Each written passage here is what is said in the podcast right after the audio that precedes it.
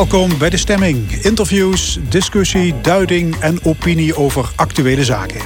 De onderwerpen in het eerste uur. De coronacrisis, jongeren en de rellen. Topcoach Huub Stevens over zijn vak, trainer in het betaald voetbal. En onze cultuuranalist Cyril Offermans bespreekt boeken over corona. Is de winkelstraat nog een lang leven beschoren? En hoe blijf je als winkelier bij de tijd? Daarover gaan we het hebben in het tweede uur.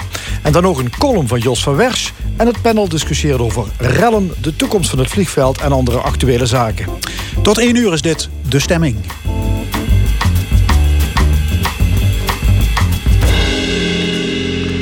De coronamaatregelen hebben een behoorlijke weerslag op iedereen, maar zeker op jongeren. Geen school, geen sport, geen feestjes. Thuiszitten is het parool. En de avondklok zorgt voor nog minder sociale contacten. Deze week gingen jongeren in tal van steden de confrontatie aan met de politie. Over corona, jongeren en de toekomst gaan we praten met Marieke Nas. Zij is gemeenteraadslid in Gulpen-Wittem en kandidaat Tweede Kamerlid voor het CDA. En met Lyle Muns. Hij is voorzitter van de LSVB, dat is de Landelijke Studentenvakbond. Welkom allebei. Marieke Nas, je bent 27. Hoe kijk je aan tegen de rellen van de afgelopen week? Nou, toen ik eh, die beelden zag, ja, dat was natuurlijk verschrikkelijk. Ik schrok ook heel erg van wat er op dat moment uh, gebeurde. Uh, je zag dat er ook heel veel onvrede heerst. En ja, laat ik vooropstellen dat dat nooit mag rechtvaardigen. Ja, dat, dat er geweld wordt gepleegd en dat andermans eigendommen worden vernield. Maar de vraag die ik mezelf wel ook stelde op dat moment, omdat ik ook heel veel jongeren heb gesproken en ook merkte dat ze het ontzettend zwaar hebben met al die maatregelen, was ook ja, waarom doen deze jongeren het? ja, is dit misschien een soort van nood? En ik denk dat we naar die vraag de komende tijd ook wel echt heel goed moeten gaan kijken. Spreek je nu als aspirant-Kamerlid, als advocaat of als jongere? Als alle drie, denk ik zelf. Drie, ja. Okay. Mult, je bent ook 27, uh, voorzitter van de Landelijke Studentenvakbond. Hoe heb jij dit beleefd? Nou ja, het was natuurlijk heel heftig, die beelden om te zien. Ik denk dat we het ook al eigenlijk niet meer gewend waren. Tenminste, het is lang geleden dat in Nederland uh, in die mate ja, dat gebeurde, uh, met die rellen. Uh, ik herken ook al wat jij zegt eigenlijk, hè, dat er ja, toch heel veel aan de hand is met die jongeren. Al een jaar lang zitten ze binnen, het onderwijs is er niet, de kansongelijkheid neemt enorm toe. Dus zijn, ja, die coronacrisis heeft een enorme impact. En je zult zien dat voor een heel klein deel van die jongeren dat te veel is geworden en zich die woede op deze manier uit. Maar het overgrote deel van de jongeren, waar we het dan misschien niet over hebben gehad de afgelopen weken, die zit thuis alleen. Uh, en die heeft een hele moeilijke tijd. We zien echt knelpunten op vlak van welzijn ontstaan. En we moeten wel wat gaan doen voor die jongeren. Want anders, uh, ook als ze niet rellen, moeten we wel actie ondernemen om ervoor te zorgen dat de problemen minder worden. Ja, dus, dus dit was degelijk wel een protest. Ik en niet een alibi om te matten met de politie of om winkels te plunderen. Nou ja, dat is natuurlijk moeilijk om helemaal in de hoofden van de protesters te kunnen kijken. Maar ik denk wel dat het ontstaat uit een soort van frustratie van dat jaar lang bijvoorbeeld binnen moeten zitten. Dus uh, of dat dan, dat is absoluut niet de juiste manier om dat te uiten. Maar die is wel een ja, uiting ook van opgehoopte frustratie. Ja. Marieke, mee eens? Was dit frustratie en wanhoop? Of was dit pure agressie? Ja, ik of denk, allebei? Ik denk dat dat een vraag is die inderdaad uh, ja, lastig te beantwoorden is. Omdat wellicht een deel van de jongeren dat wellicht wel uit agressie heeft gedaan, maar een deel ook niet. En dat het inderdaad echt die onvrede is. En daarom, wat ik ook net zag, zei, is het gewoon super belangrijk dat die waarom-vraag ook beantwoord gaat worden. Want we kunnen nu wel met z'n allen roepen: alle schade moet worden vergoed. De jongeren moeten hard worden aangepakt. Uh, maar als we die waarom-vraag niet gaan beantwoorden, ja, gaan we daar dan mee het probleem oplossen. Ja, maar premier Rutte is het er helemaal niet mee eens. Die heeft geen behoefte aan sociologische verklaringen. Het waren criminelen, punt. Ja, ik kijk daar dan wel echt heel anders tegenaan. En ik, uh, ik denk dat het erg belangrijk is om te kijken... waarom hebben die jongeren dat gedaan? Want de jongeren komen uh, sowieso al in de knel door alle problemen. En daar zitten ook een aantal hele jonge jongeren bij... die zelfs nog onder het jeugdstrafrecht vallen.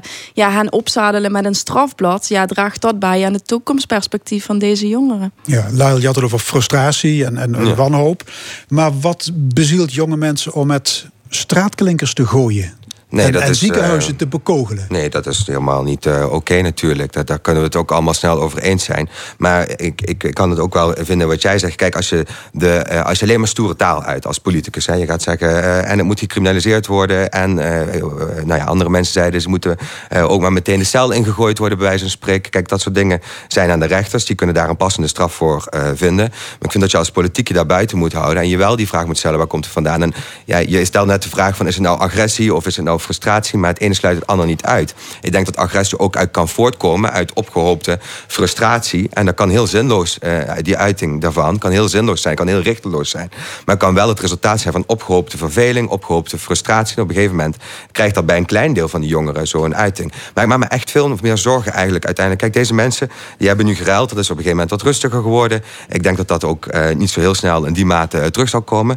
Op een gegeven moment moet je gaan kijken naar wat zit er allemaal achter en wat, gaat, wat speelt voor een grotere groep van die jongeren die zich misschien niet op deze manier hebben geuit. En daar zien we echt in hele grote getalen terugkomen. Dat ze worstelen met sombere gevoelens, dat ze worstelen zelfs met depressiviteit. de eetstoornissen nemen toe, het huiselijk geweld neemt toe. Dus die coronacrisis heeft wel een enorme impact. En voor jongeren is die impact des te groter. Want kijk, als jij al je gezin hebt en jij hebt een koophuis en je hebt wat ruimte, je hebt tenminste contact met je familie, dan is het goed. Maar als jongere ben je vaak nog bezig een netwerk op te bouwen waar je de rest van je leven of verder moet bouwen, waar je je carrière mee moet gaan maken. Dus als je dat, als deze in, in die periode van je leven je thuis moet komen te zitten, ja, dan is ook de toekomstbeeld plotseling een stuk somberder. En daar maak ik me echt heel veel zorgen over.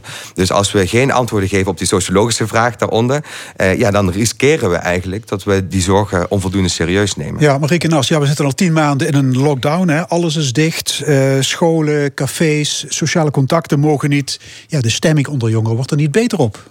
Nee. Om het maar eens zakjes uit te drukken. Nee, die wordt er zeker niet beter op. En ik denk dat dat een stukje toekomstperspectief voor een heleboel jongeren ook mist. Um, dat was voor die coronacrisis overigens ook al een vraagstuk. Want je zag dat heel veel jongeren uh, het heel lastig vonden om een vaste baan te vinden. Om een betaalbare woning te vinden. Uh, ja, en dan komen nu eigenlijk die zorgen rondom die coronacrisis nog eens bovenop. Dus ik denk zelfs los van die coronacrisis dat het heel belangrijk is om ja, aan, met dat toekomstbeeld van die jongeren wel concreet aan de slag te gaan de komende tijd. Dat ze weer vooruitzicht hebben op die vaste baan, op die betaalbare woning. En ik denk dat we daarmee ook een heleboel zorgen kunnen gaan wegnemen. En ik denk dat het ook gewoon heel belangrijk is dat dat verhaal van die jongeren wel ook gehoord wordt. Um, het is zo dat we hebben gezegd, hè, voor die kwetsbaren in de samenleving te, ja, te beschermen, dan moeten die jongeren inderdaad ook maar een tijdje een, een vrijheid inleveren. Maar dat duurt ondertussen bijna al een jaar. En ja, veel mensen hebben toch wel hele belangrijke momenten in hun leven moeten missen. Pak eindgalen, studentenintroducties. Ja, dat zijn fasen in je leven die wel heel belangrijk zijn en die ook niet meer overgedaan kunnen worden. En dat is ook een van de redenen waarom ik als 27-jarige heb gezegd: ik sta me kandidaat voor de Kamer. Want ja, denk maar eens na hoeveel ja, mensen onder de 30 zitten er op dit moment in de Kamer. Ja, volgens mij kunnen we er geen vijf opnoemen. En uh, ik denk wel in het kader van evenredige vertegenwoordiging dat het belangrijk is dat ook de jongeren daar duidelijker een stem gaan krijgen. Lyle, er is geen sprake van een studentenleven. Ja.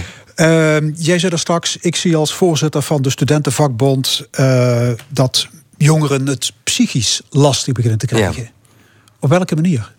Nou, we zien dus echt dat uh, mensen. moet je even voorstellen, de meeste studenten die wonen natuurlijk op een kamer van een paar vierkante meter. Die hebben sinds uh, eigenlijk sinds het begin van de coronacrisis bijna alleen maar online les gehad. Dus dan zit je de hele dag op dat kleine kamertje, vaak in een grote stad waar je ook niet zo makkelijk uh, naar buiten kan, et cetera. Zit je opgesloten de ene en de andere Zoom-call-les te volgen. Je, ja, je... Het eerste jaar is helemaal natuurlijk een ramp. Ja, precies. voor de eerste keer mensen... in een grote stad. Ja, dan eigenlijk het grote moment van je leven. Het moment dat je je leven moet gaan ontdekken, dat je je toekomst gaat opbouwen, dat je naar de grote stad gaat super spannend, super leuk allemaal. Uh, iedereen kijkt daar naar uit. En dan uh, moet je plotseling de hele tijd binnen zitten. Dan kun je geen sociale contacten leggen. Mag je niet met vrienden afspreken. Uh, valt het hele studentenleven, de studentenorganisaties zijn dicht. de onderwijsinstellingen zijn dicht. Dus eigenlijk alle gelegenheid die je hebt om dat netwerk op te bouwen, om je een stad, om je thuis te kunnen gaan voelen in een stad, dat ligt allemaal stil. En natuurlijk, dat is heel erg onnatuurlijk voor die fase van je leven, waarbij het juist draait om experimenteren, ontdekken, mensen leren kennen. En dat zorgt ervoor dat mensen eigenlijk op hele grote schaal eenzaamheid ervaren. Ook echt sombere gevoelens. Ik merk ook gewoon een zekere lusteloosheid bij heel veel van mijn leeftijdsgenoten. Dat ze echt denken, ja, dat perspectief missen en denken van hoe lang duurt het nog? Dit gaat tot het einde der dagen doorduren, bij wijze van spreken. Ja, ook, ook depressie? Zeker, absoluut dus zien we dat uh, terugkomen. Uh, de wachtlijsten bij de GGD die groeien. Ja, en de, nou, en de jeugdzorg die was eigenlijk al sterk ondergefinancierd. Hè, dus er waren al hele grote uh, wachtlijsten voor om toegang te hebben tot de jeugdzorg. Ja, met zo'n coronacrisis en de mentale impact die dat heeft, is dat alleen maar groter. En, en zoals jij net ook al zei, veel van de kwetsbaarheden die er al waren, de financiële onzekerheid, trouwens ook de prestatiedruk, allerlei kwetsbaarheden op het vlak van welzijn, die al lang speelden bij jongeren, ja, die worden alleen maar versterkt door de coronacrisis. Want ja, welzijn, dat isoleert je nog verder. Ehm, ja, je lessen maar alleen maar online moeten volgen, dat vergroot prestatiedruk. Je bijvang verliezen, dat zorgt ervoor dat studieleningen nog de studieschulden nog hoger zijn. Zo eigenlijk zie je dat die coronacrisis als een soort van katalysator werkt, die de al bestaande problemen nog veel erger maakt. Hoe functioneert dat online onderwijs? Is dat van dezelfde kwaliteit? Nee, nee wij zijn wel echt uh, kritisch daarop natuurlijk. Kijk, de onderwijsinstellingen kunnen er ook niet heel veel aan doen. En je kunt op bepaalde manieren proberen dan toch een beetje een gesprek daar teweeg te brengen. Maar in het algemeen zien we natuurlijk gewoon dat je misschien het droog overbrengen van de stof wel online kunt doen. Maar echt de interactie, de discussie en zeker ook het praktijkonderwijs, dat dat online absoluut niet op dezelfde manier uh, voor elkaar te krijgen is als fysiek. En dat is ook logisch, want onderwijs gaat ook over elkaar bevragen, elkaar uitdagen, elkaar in de ogen aankijken. Uh, en dat kun je veel moeilijker doen als je alleen maar online les hebt. En de leerkrachten zeggen ook, ja, op een gegeven moment gaat het beeldscherm uit. Uh, weet ik überhaupt niet meer wie nog in de uh, les zit. Uh, is de hele binding en met de leerlingen weg. Ik weet niet meer wie ik in de klas heb zitten, bij wijze van spreken. Dus dat de onderwijskwaliteit onder druk staat, dat weet iedereen. En dat is gewoon een heel groot probleem. Marieke Nas, de grote vraag is, hoe lang kan dit doorgaan? Ja, ik denk toch dat er, eh, wat ik net ook al aangaf, dat het belangrijk is dat er perspectief gaat komen. Ik denk dat veel mensen begrijpen dat die maatregelen die nu getroffen worden, wel gewoon nodig zijn om die pandemie onder controle te krijgen. Maar ja, als je mij vraagt hoe lang kan dit nog doorgaan, ja, dan denk ik dat het na de zomer toch allemaal weer regulier zou moeten gaan opstarten. En zeker voor de jongere generatie. Ja, dat gaan we niet nog een jaar Op dit moment is er geen stip op de horizon, zoals dat heet. Of zie jij wel perspectief? Nou, kijk, ik denk, wat ik me soms wel een beetje gefrustreerd heb, kijk, de premier heeft ooit de jongeren opgeroepen om in opstand te komen en met creatieve ideeën te mm. komen. De jongeren zijn massaal naar de premier toegegaan. Die eh, hebben gezegd van ga werken met sneltesten als het over onderwijs gaat. Misschien is er niet genoeg ruimte op de onderwijsinstellingen zelf. Ga lege congreszalen inhuren. Ga lege theaterzalen inhuren. En die jongeren zijn echt super creatief. Dus er zijn ideeën genoeg om het voor jongeren makkelijker te maken. Dus ik vind het niet te verantwoorden als je niet op basis van al die ideeën het inzetten van vaccins, sneltesten, mondkapjes, extra fysieke locaties, als je niet weer terug enigszins op het begin van september kan naar normaal fysiek onderwijs. Dan, ik vind dat je dan gewoon geen excuus meer hebt. Dus nu heel goed voorbereiden. Gebruik de jongeren daarbij. Die zitten boordevol met creatieve ideeën. En als je daar nu hard werk van maakt, ook geld voor vrijmaakt, dan kunnen we gewoon in september weer meer fysiek onderwijs geven. Marieke Nas? Nou ja, dat is eigenlijk wat ik net ook al een beetje aangaf. Waarbij ik wel de nadruk heb gelegd dat de maatregelen die nu zijn wel gewoon echt nodig zijn. Omdat anders gewoon de zorg te ver onder druk komt te staan. Maar ik denk wel dat het belangrijk is dat ook inderdaad die ideeën van jongeren, dat daar actief mee aan de slag wordt gegaan. En dat ook gewoon concreet wordt gekeken. Ja, wat kunnen we daarmee en wat is daar ook uitvoerbaar van? En ik denk dat dat wel een heel belangrijk item is waar de komende periode flink mee aan de slag gegaan moet worden. Ja, mentaal is het, uh, is het allemaal moeilijk. Laalmuns, je zit er straks. Ja, ook in financieel-economisch opzicht zijn jongeren de klos. Leg dat eens uit. Nou ja, je hebt natuurlijk sowieso al de structurele eh, zaken. Dus steeds moeilijker voor jongeren om een vaste baan te krijgen. Nou, als je geen vaste baan krijgt, heb je vaak ook geen sociale zekerheid wanneer je hem kwijtraakt. Um, wat we ook je krijgt geen uitkering. Je krijgt geen uitkering. Nou ja, tegen studenten, tegen eigenlijk alle groepen krijgen steun in de hele coronacrisis. Hè. Dus dat is steun voor ZZP'ers, voor uh, werkgevers, voor werknemers. Maar tegen de studenten wordt gezegd, ga maar extra geld lenen. Terwijl de studenten wel de eerste zijn om aan de deur gezet te worden, omdat ze dus geen werkzekerheid hebben. Nou, dat komt nog bovenop het feit dat studenten vroeger een basisbeurs kregen en dus eigenlijk per maand een inkomen kregen van de overheid waarmee ze hun kosten konden betalen. Maar vandaag de dag, het overgrote deel van de studie moet betaald worden met studieschulden. Dus in de tijd dat de studieschulden sowieso al torenhoog waren, ook nog eens een keer zeggen: de enige groep waar we geen steun aan geven zijn die studenten. En die studenten zijn wel de eerste om de deur geweest te worden. Dan vind ik het economische steunpakket dat er ligt voor de jongeren en voor de studenten echt heel erg mager. En dan denk ik van de miljarden zijn dat er over voor allerlei groepen in de samenleving terecht. Dat moeten we ook echt doen nu in deze economische crisis. Maar onze jongeren hebben dat ook keihard nodig zijn eigenlijk degenen die nog het langst de gevolgen van deze crisis gaan ervaren. En helemaal het langst de economische gevolgen gaan ervaren. Dus zorg ervoor dat er ook voldoende steunmaatregelen zijn voor die jongeren. Het is eigenlijk niet te verantwoorden dat we dat maar in hele weinige mate hebben. Veel jongeren, zeg jij, kampen met een hele hoge studieschuld. Als gevolg van dat leenstelsel. Ja. Hoe hoog kan, dat, kan die schuld oplopen? Nou, we zien nu eigenlijk een gemiddelde van een studieschuld van zo'n 30.000 euro. Uh, maar dat betekent ook dat er uitschieters zijn. Een kwart van de jongeren studeert af met een studieschuld van meer dan 40.000 euro. En wat betekent dat? Dat je tot en met je pensioen, 35 jaar lang, tot en met je pensioen ben je het afbetalen om die studieschuld uh, van je rekening af te krijgen. Het is ook veel moeilijker om een hypotheek te krijgen als je een hoge studieschuld hebt. We weten al hoe verdomd moeilijk jongeren het hebben om een woning te kunnen vinden. Als je het wonen kopen ook nog eens een keer bemoeilijk wordt door een studieschuld die de tienduizenden euro's oploopt, dan is de kans die je hebt op de woningmarkt helemaal onmogelijk. En, en dat vind ik wel echt uh, heel na van onze tijd. Het begint bijna Engelse, uh, Amerikaanse proporties te krijgen, die studieschulden. Terwijl dat wij toch echt een land waren met ook een sterke sociale zekerheid, waarin studeren niet op die kosten van de student uh, zou moeten rekenen, maar dat dat iets is waar we samen aan bijdragen, omdat ook de hele samenleving voordeel haalt bij het onderwijs. Nu heeft dat leenstelsel zijn langste tijd gehad, denk ik. Hè? Ja. Dat komt niet terug in het volgende kabinet. Moet de studieschuld van die studenten ook worden kwijtgescholden? Ja, absoluut. Ik denk uh, wat je niet kunt maken. Dus eigenlijk zijn, uh, er waren vier partijen die hebben het leenstelsel ingestemd. Drie daarvan hebben nu gezegd: we hebben ons bedacht, dat moeten we niet meer doen. En daarom denken we ook dat bij de formatie er wel een nieuw stelsel gaat komen. En hopelijk ook een basisbeurs terug. Maar wat je dus niet kunt maken is dat je zegt: vijf jaar geleden hadden we een basisbeurs. We schaffen hem af. En oh, het was een foute beslissing. Die ja. studieschulden zijn te hoog. Nu voeren we hem weer in. Maar die studenten die ertussen zitten, die hebben pech gehad. Dat kan je niet maken natuurlijk. Dus je moet ook die leenstelselgeneratie gaan compenseren. En dan moeten forse bedragen zijn, want de studieschulden die zijn echt veel en veel te hoog opgelopen. Marieke, ben je het daarmee eens? Ja, uiteraard. En uh, wie de politiek een beetje heeft gevolgd, die weet ook dat het CDA altijd tegenstander is geweest van het leenstelsel. En vooral ook de jongere uh, organisatie van het CDA, het CDJA, heeft zich de laatste jaren daar ook echt op gericht en zich daar heel hard voor ingezet. Uh, en ook flink gelobbyd om ook zeg maar, die, die basisbeurs weer terug te krijgen. Dat staat ook nu in het verkiezingsprogramma van het CDA, ook door de jongere tak. En ja, wij hebben ook gezegd van ja, die leenstelselgeneratie, zoals die nu wordt genoemd, ja, die moet wel gecompenseerd uh, gaan worden. Dat is wel echt heel belangrijk. Want het kan niet zo zijn dat een kleine groep die net in die verkeerde periode, om het zo maar even te formuleren, heeft gestudeerd, nu de dupe daarvan gaat worden. Dus die compensatie, die moet er echt gaan komen. Oké, kunnen we nog met iets positiefs uh, eindigen? Nou, ik zie, een, ik zie eigenlijk een generatie met superveel creativiteit, superveel goede ideeën. Ik zou zeggen, maak daar gebruik van. We zien ook dat jongeren zich in de meerderheid echt aan de maatregelen houden. Wie had dat ooit gedacht? Dat de jongeren een jaar lang thuis zouden zitten. Dat ze in zo'n grote mate uh, uh, zich zouden beperken voor de gezondheid van onze uh, ouderen. Dus ik zie heel veel solidariteit. En ik zie ook heel veel creativiteit. Laten we het idee van jongeren gebruiken om ervoor te zorgen dat er voldoende ruimte is en we die welzijnsproblemen aan kunnen pakken. Oké, okay. Lyle Muns, voorzitter van de Landelijke Studentenvakbond en Marieke Nas, kandidaat Kamerlid voor het CDA. Hartelijk dank. Graag gedaan. Graag gedaan. Hebben schrijvers de lockdown en corona al ontdekt? Is corona al een onderwerp in de literatuur? Analist Cyril Offermans die zocht het uit en hij is zo meteen hier te gast. Maar eerst muziek van lang voor die pandemie. Happy Together, een hit uit 1967 van The Turtles.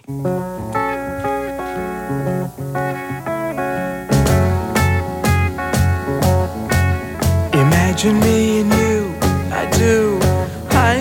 about you day and night. It's only right to think about the girl you love and hold her tight. So happy together.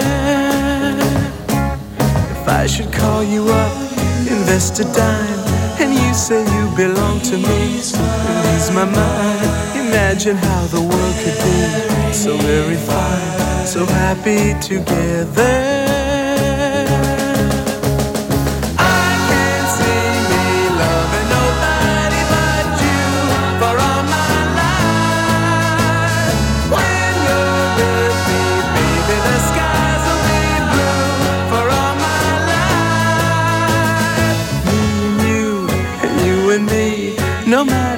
They tossed the dice, it had to be.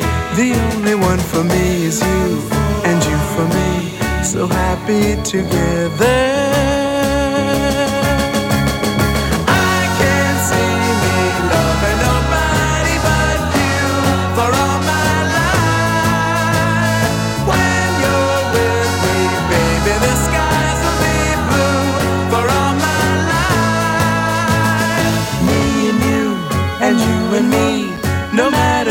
Toss the dice, it had to be. The only one for me is you, and you for me. So happy together.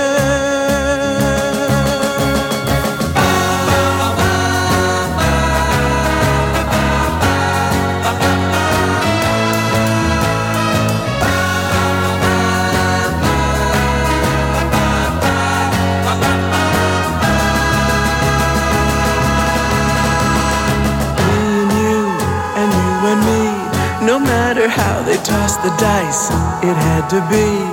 The only one for me is you, and you for me. So happy together,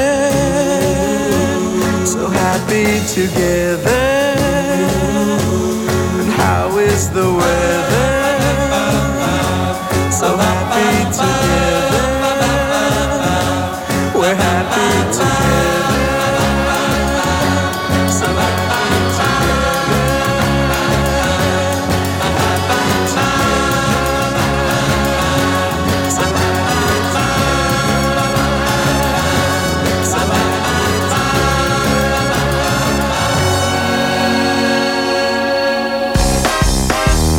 De Analist. Vandaag onze cultuuranalist Cyril Offermans. Goedemorgen, Cyril. Ook goedemorgen. Ja, we leven in eh, lockdown. Ja, daar hebben we het al over eh, vanochtend. En niet iedereen is er heel blij mee. Maar het is wel een tijd om eh, natuurlijk eh, veel te lezen. Zeker. Eh, jij gaat zo meteen laten zien dat de pandemie ook al schoolvoetend zijn entree maakt in de literatuur. Ja.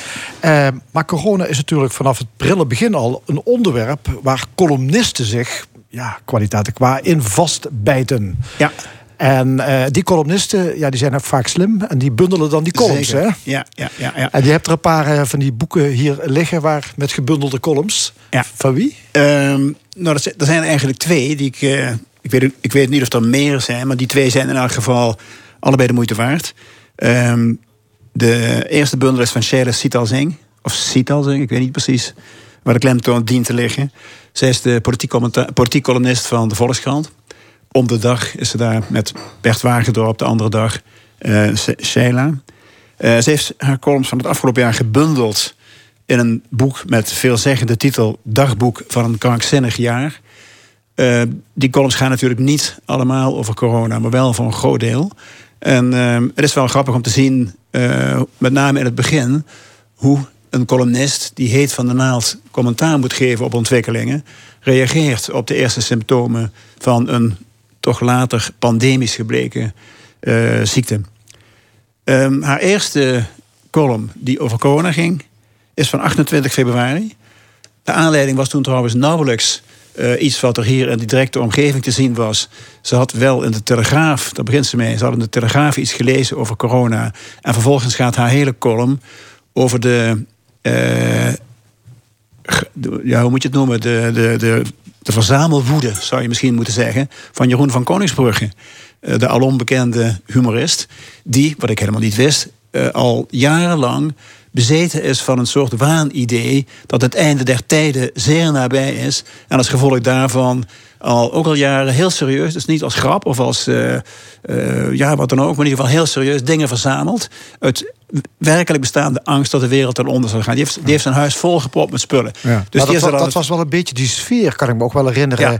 Eind februari vorig jaar. Er werd ook een beetje lacherig nog wel gedaan Er werd corona. uitermate lacherig over gedaan. En bijna iedereen die er in het begin commentaar op geeft... is, is er ook van overtuigd dat het eigenlijk maar... Dat het, ja, van zeer voorbijgaande aard is. Er is niemand die toen nog, eh, die toen nog dacht in termen van een jaar... of zelfs twee jaar of nog meer jaren. Want de kans is best groot dat we er over vijf jaar... nog steeds de gevolgen van ondervinden. Eh, en dat, eh, maar goed, eh, dat is bij haar toch al vrij snel wel zo... dat ze, dat ze de ernst van de zaak inziet. Ze, ze ziet al snel dat er bijvoorbeeld... ja, dat, dat, we mogen geen handen meer geven. En dat was lang een van de, van de kernelementen van on- onze identiteit. Hè? Want dat deden de moslims niet en wij deden dat wel. Dus nu mogen we dat ineens allemaal niet. Dus zij, zij maakt heel vaak vergelijkingen met hoe het vroeger was, hoe het nu is... en hoe snel we al aan dingen wennen of juist niet aan dingen wennen. En dat doet... eh, dat doet Ilja Leonard Pfeiffer. Dat is de tweede columnist van wie ik een eh, verzamelbundel heb eh, meegenomen. Dat eh Pfeiffer is, eh, behalve rom romanschrijver en dichter... heeft hij een tijd lang, 40 dagen lang... heeft hij in NRC Handelsblad en in de Standaard in België... een column geschreven over zijn situatie in Genua, waar hij woont waar hij op eh, 30 vierkante meter woonde met zijn aanbeden Stella. En met twee man en zo'n klein hokje is het natuurlijk al heel gauw eh, moeilijk om daar een beetje een- draai te vinden. Ja, maar het zijn ook heel schrijnende columns die hij schrijft. Hè? Het zijn vaak heel schrijnende columns van mensen die hij kent, die eh, ziek worden en overlijden. Ehm, hij is ook niet bepaald erg optimistisch. Eh, hij houdt het precies 40 dagen vol. En dat is natuurlijk omdat het woord quarantaine ook is afgeleid van het uh, oude Italiaanse begrip van 40 giorni, 40 dagen. Dat was de duur uh, waarin die, die schepen in acht moesten nemen voor ze de manschappen op de schepen die uit het oosten kwamen uh, aan land mochten laten gaan in verband met besmettingsgevaar. Dat wist men toen al dat dat ongeveer 40 dagen uh, duurde. Dan, kon dan, dan, dan was je min of meer veilig als je aan land ging. Ja, de quarantaine. Ja, Wat, en, kun je een verschil aangeven tussen die columns van Ilja Leonard Pfeiffer ja. en uh, Sheila Sitalsi? Nou, het verschil is eigenlijk vooral dat Pfeiffer zich beperkt tot de directe omgeving. En tot wat hem ter oren komt via vrienden en vriendinnen en kennissen en familie. Dus het is eigenlijk veel meer op de vierkante meter. En Sitalsi is veel meer met een politieke invalshoek en veel meer vergelijkend met wat er elders in de wereld gebeurt, met maatregelen die er genomen worden. Dus haar invalshoek is, zoals je, zoals je eigenlijk ook wel kon verwachten, gewoon veel politieker. Ja, en het is ook, het is ook geschreven echt uh, ja, met de dag, hè, het zijn columns. Ja, ja. Uh, hebben ze toch uh, ook nu nog een belang als je ze een jaar later terugleest? Ja, dat, dat is natuurlijk heel interessant. Dat, uh, ik denk dat je dat eigenlijk pas over een paar jaar kan zeggen. Want bijna alles wat hierin staat, staat bij ons ook nog vers in het geheugen.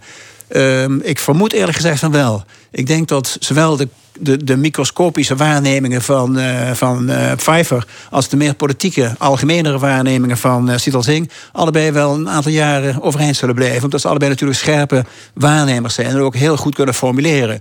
Want vergis je niet, Sital heeft ook een hele literaire pen. Soms wat mij betreft ook iets te literair. Maar uh, niettemin, ik, ik vermoed eerlijk gezegd dat over een paar jaar... als de rust hopelijk enigszins is teruggekeerd.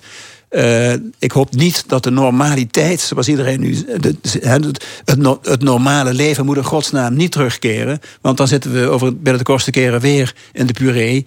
Maar dat zijn eigenlijk meer de onderwerpen die in de politiek getinte boeken over corona aan de orde komen. Daar heb ik er drie van meegenomen. Ja. Misschien dat ik die sprong meteen mag maken. Uh, ja, de, de politiek, want uh, het is, voor wetenschappers is corona natuurlijk wel, wel een ding. Hè? Uh, maar dan, dan heb je het vaak over de, de virologen, de epidemiologen. Maar je hebt hier een paar boeken liggen, begrijp ik, van ja. filosofen, psychologen. Ja, de, ja dat dus is... ik, heb, ik heb me niet verdiept in de werken van van virologen of immunologen, of die zijn er natuurlijk ook, maar die waren er al veel eerder ook. Hè. Ja. Ik heb bijvoorbeeld al ver voor de crisis al boeken gelezen waarin deze pandemie wel degelijk werd ja. voorspeld. Bill Gates ja. was echt niet de eerste hoor die dat nee, deed. Maar dit zijn mensen die eigenlijk reflecteren op de coronacrisis. Ja, precies. Deze mensen zijn ook pas begonnen met nadenken. Nou ja, niet echt begonnen met nadenken, maar, die, maar over, de coronacrisis corona, is de aanleiding om het erover te hebben. Wie zijn dat? Uh, ik heb een boek van René ten Bos, is de voormalige denker des vaderlands. Het heet De Coronastorm. Um, ja, ik vond het een uh, goed boek, hoewel ik er ook de nodige, nodige commentaar op had. Hij is de enige echte filosoof in het geheel. Uh, een ander boek is van een Vlaming, uh, Paul Verhagen. Dat is een psychiater die al veel eerder belangrijke boeken over ons huidige tijdsgevricht geschreven heeft. En waarin hij ook de grenzen van de psychiatrie duidelijk overschrijdt. Omdat hij van mening is dat uh, alle ellende die hij in zijn, uh, in zijn kamer in zijn, uh, als psychiater te zien krijgt, dat die niet met, met zuiver psychiatrische termen zijn af te handelen. De analyse gaat bij hem altijd verder, zoals trouwens ook bij Ten Bos het geval is. Hoor. Ze betrekken allebei, en dat geldt ook voor de derde figuur die ik zo meteen zal noemen, ze betrekken er allemaal ook de maatschappelijke omstandigheden in meer algemene zin bij. En dan blijkt eigenlijk dat, ehm, dat alle drie deze figuren, dus er is Ten Bos, Paul Verhagen. En de derde man is een, uh, een, een Albanese Vlaming, van wie ik de naam niet goed durf uit te spreken, omdat ik niet weet precies hoe het moet. Maar, in ieder geval, er luisteren weinig Albanese. Ja, precies.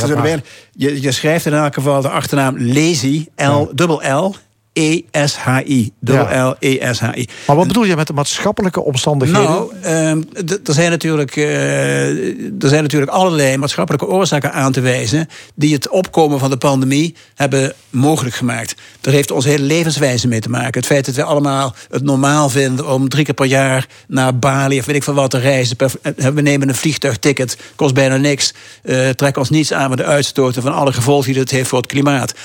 Um, het is heel duidelijk, dat, daar is bijna iedereen met een beetje verstand erover eens, dat onze hele levenswijze onmogelijk op dezelfde voet verder kan gaan als we niet nog veel grotere rampen na de coronacrisis, als die over een half jaar of over een jaar min of meer voorbij zal zijn, als we, daar, als we op dezelfde voet verder zullen gaan, is de volgende pandemie met gemak voorspelbaar en komen we waarschijnlijk nooit meer uit pandemische toestanden en blijven we ons hele leven lang zitten met anderhalve meter afstand, twee meter afstand, de hele dag quarantaine enzovoort. Uh, bijna iedereen die er verstand van heeft, en ik denk dat je dat met een beetje gezond verstand zelf ook makkelijk kunt beredeneren, is van mening dat onze hele levenswijze op de schop moet. En dat kunnen we niet individueel. Dat zal vooral afhangen van een totaal andere inrichting van onze economie. En daar gaan bijna al deze drie boeken gaan daar vooral over. Ja. Hoe, hoe moet dat? Meer op duurzaamheid gerichte economie zal er moeten komen. Ik zou zeggen, kijk vanavond naar Frans Timmermans, die in een programma zit waarbij hij de boeren, Nederlandse boeren, uitlegt waarom ook zij allemaal zullen moeten eh, een andere aanpak, een ander soort bedrijfs, bedrijfsverdienmodel zullen moeten bedenken omdat het anders helemaal de verkeerde kant uitgaat. Ja. Cyril, zijn er ook al romans waarin corona de aanleiding vormt uh, voor een handeling? Of misschien waar corona Ja. zelfs de hoofdrol speelt in het verhaal? Ja, klopt. Er zijn twee, eh, ik heb er twee, twee, er zijn er wel meer, maar ik heb er twee gevonden. Ja. Eén kan bijna niemand zijn ontgaan. Is een boekje van Wim Daniels. Dat is Ja. een, eh, een vrij bekende, van de televisie vrij bekende auteur. Een man die alleen het eh, leidt aan het misverstand dat het in de literatuur gaat om zo snel mogelijk en zoveel mogelijk. Dus hij heeft hij waarschijnlijk meer publiceert enorm veel. hij publiceert meer Ja. dan iemand, an- dan iemand Ja. kan bijbenen. Maar helaas is het niet allemaal van de allerhoogste kwaliteit. Ehm, ik heb dit boekje gelezen. Quarantaine heet het ook. Het is niet zo'n bijster originele titel. Zeker als, als je een roman schrijft... zou je toch denk ik iets beters kunnen bedenken. Hij, had dat boekje, al- hij was al met dat boekje in een of andere talkshow... eh, begin eh, of, ergens in mei. Ik weet niet precies wanneer, maar ergens in mei... toen wij gewone burgers nog nauwelijks in de gaten hadden... dat we in een crisis zaten, had hij al het eerste boek geschreven. Het is ook echt een... eh, ja, het is eigenlijk een vlotte boek. Eh, een larmoyant liefdesverhaal... dat wel met corona direct te maken heeft. Maar ik zou haast zeggen van... la- laten we dat maar snel passeren. Ik heb een veel beter boek. Een roman van een onbekende schrijfster. Schrijfster in dit geval. Dus ehm, mensen hebben de neiging om eh, in de boekhandel de hoge stapels bij de kassa het eerst te inspecteren naar of ze er iets van hun gading. Maar ze kunnen beter vragen naar de dingen die niet zo bekend zijn.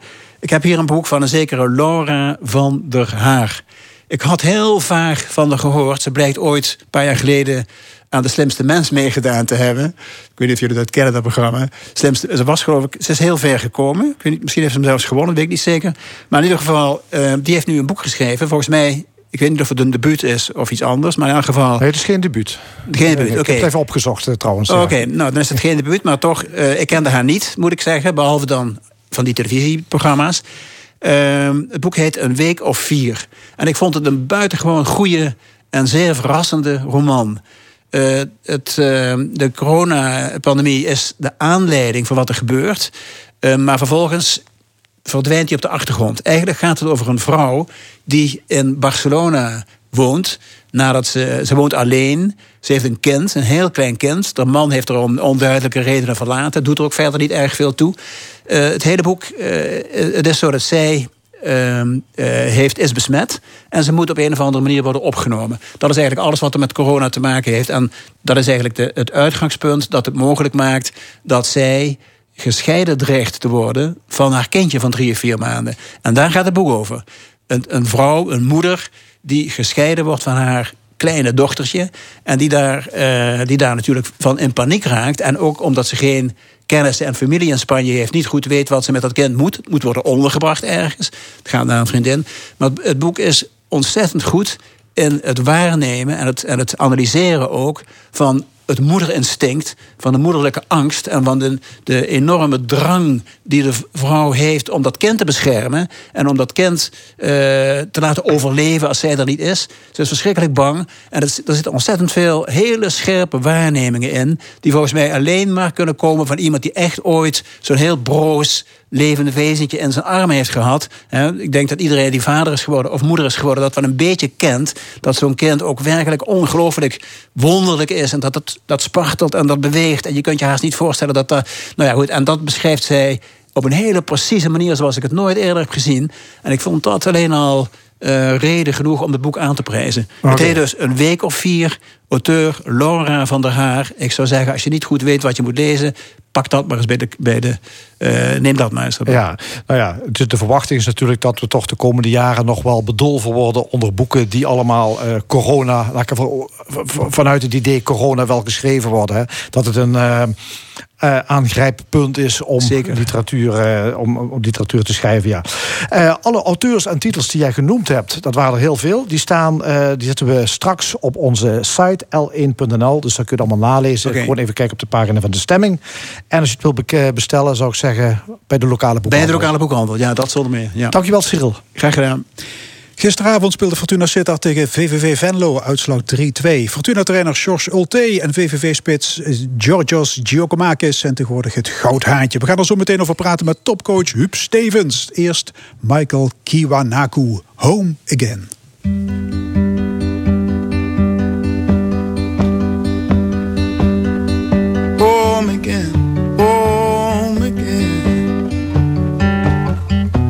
One day I know I feel home again. Wrong again, wrong again. One day I know I feel strong again. I lift my head.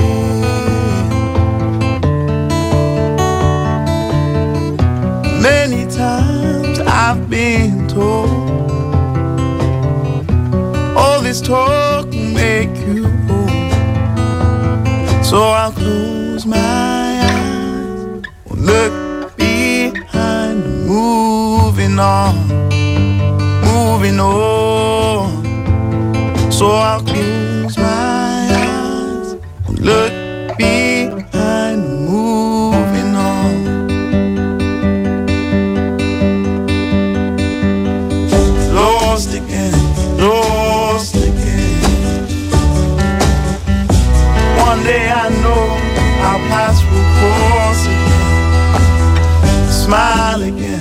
smile again. One day I hope to make you smile again.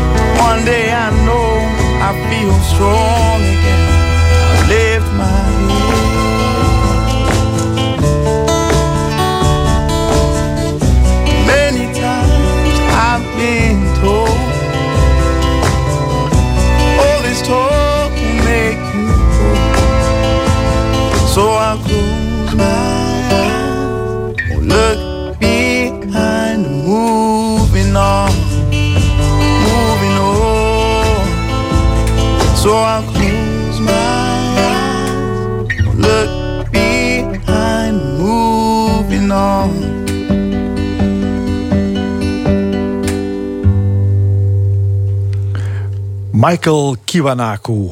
Dit is L1 met De Stemming. In december was Huub Stevens heel kort trainer van Schalke 04 in de Bundesliga. De club waar hij 25 jaar geleden mooie successen mee boekte. Hij gaf eerder te kennen definitief te stoppen als voetbalcoach. Maar het bloed kruipt waar het niet kan gaan. De uit Sittard afkomstige coach heeft in zijn carrière de nodige clubs versleten... zoals Rode JC, PSV, HSV en PAOK Saloniki. Wat maakt iemand tot een goede voetbaltrainer? Als iemand die vraag kan beantwoorden, ja, dan is hij het wel. Huub Stevens. Nou, dat kan ik ook niet. Oké, we doen een poging dadelijk. Hoe is het trouwens om negen dagen ergens trainer te zijn?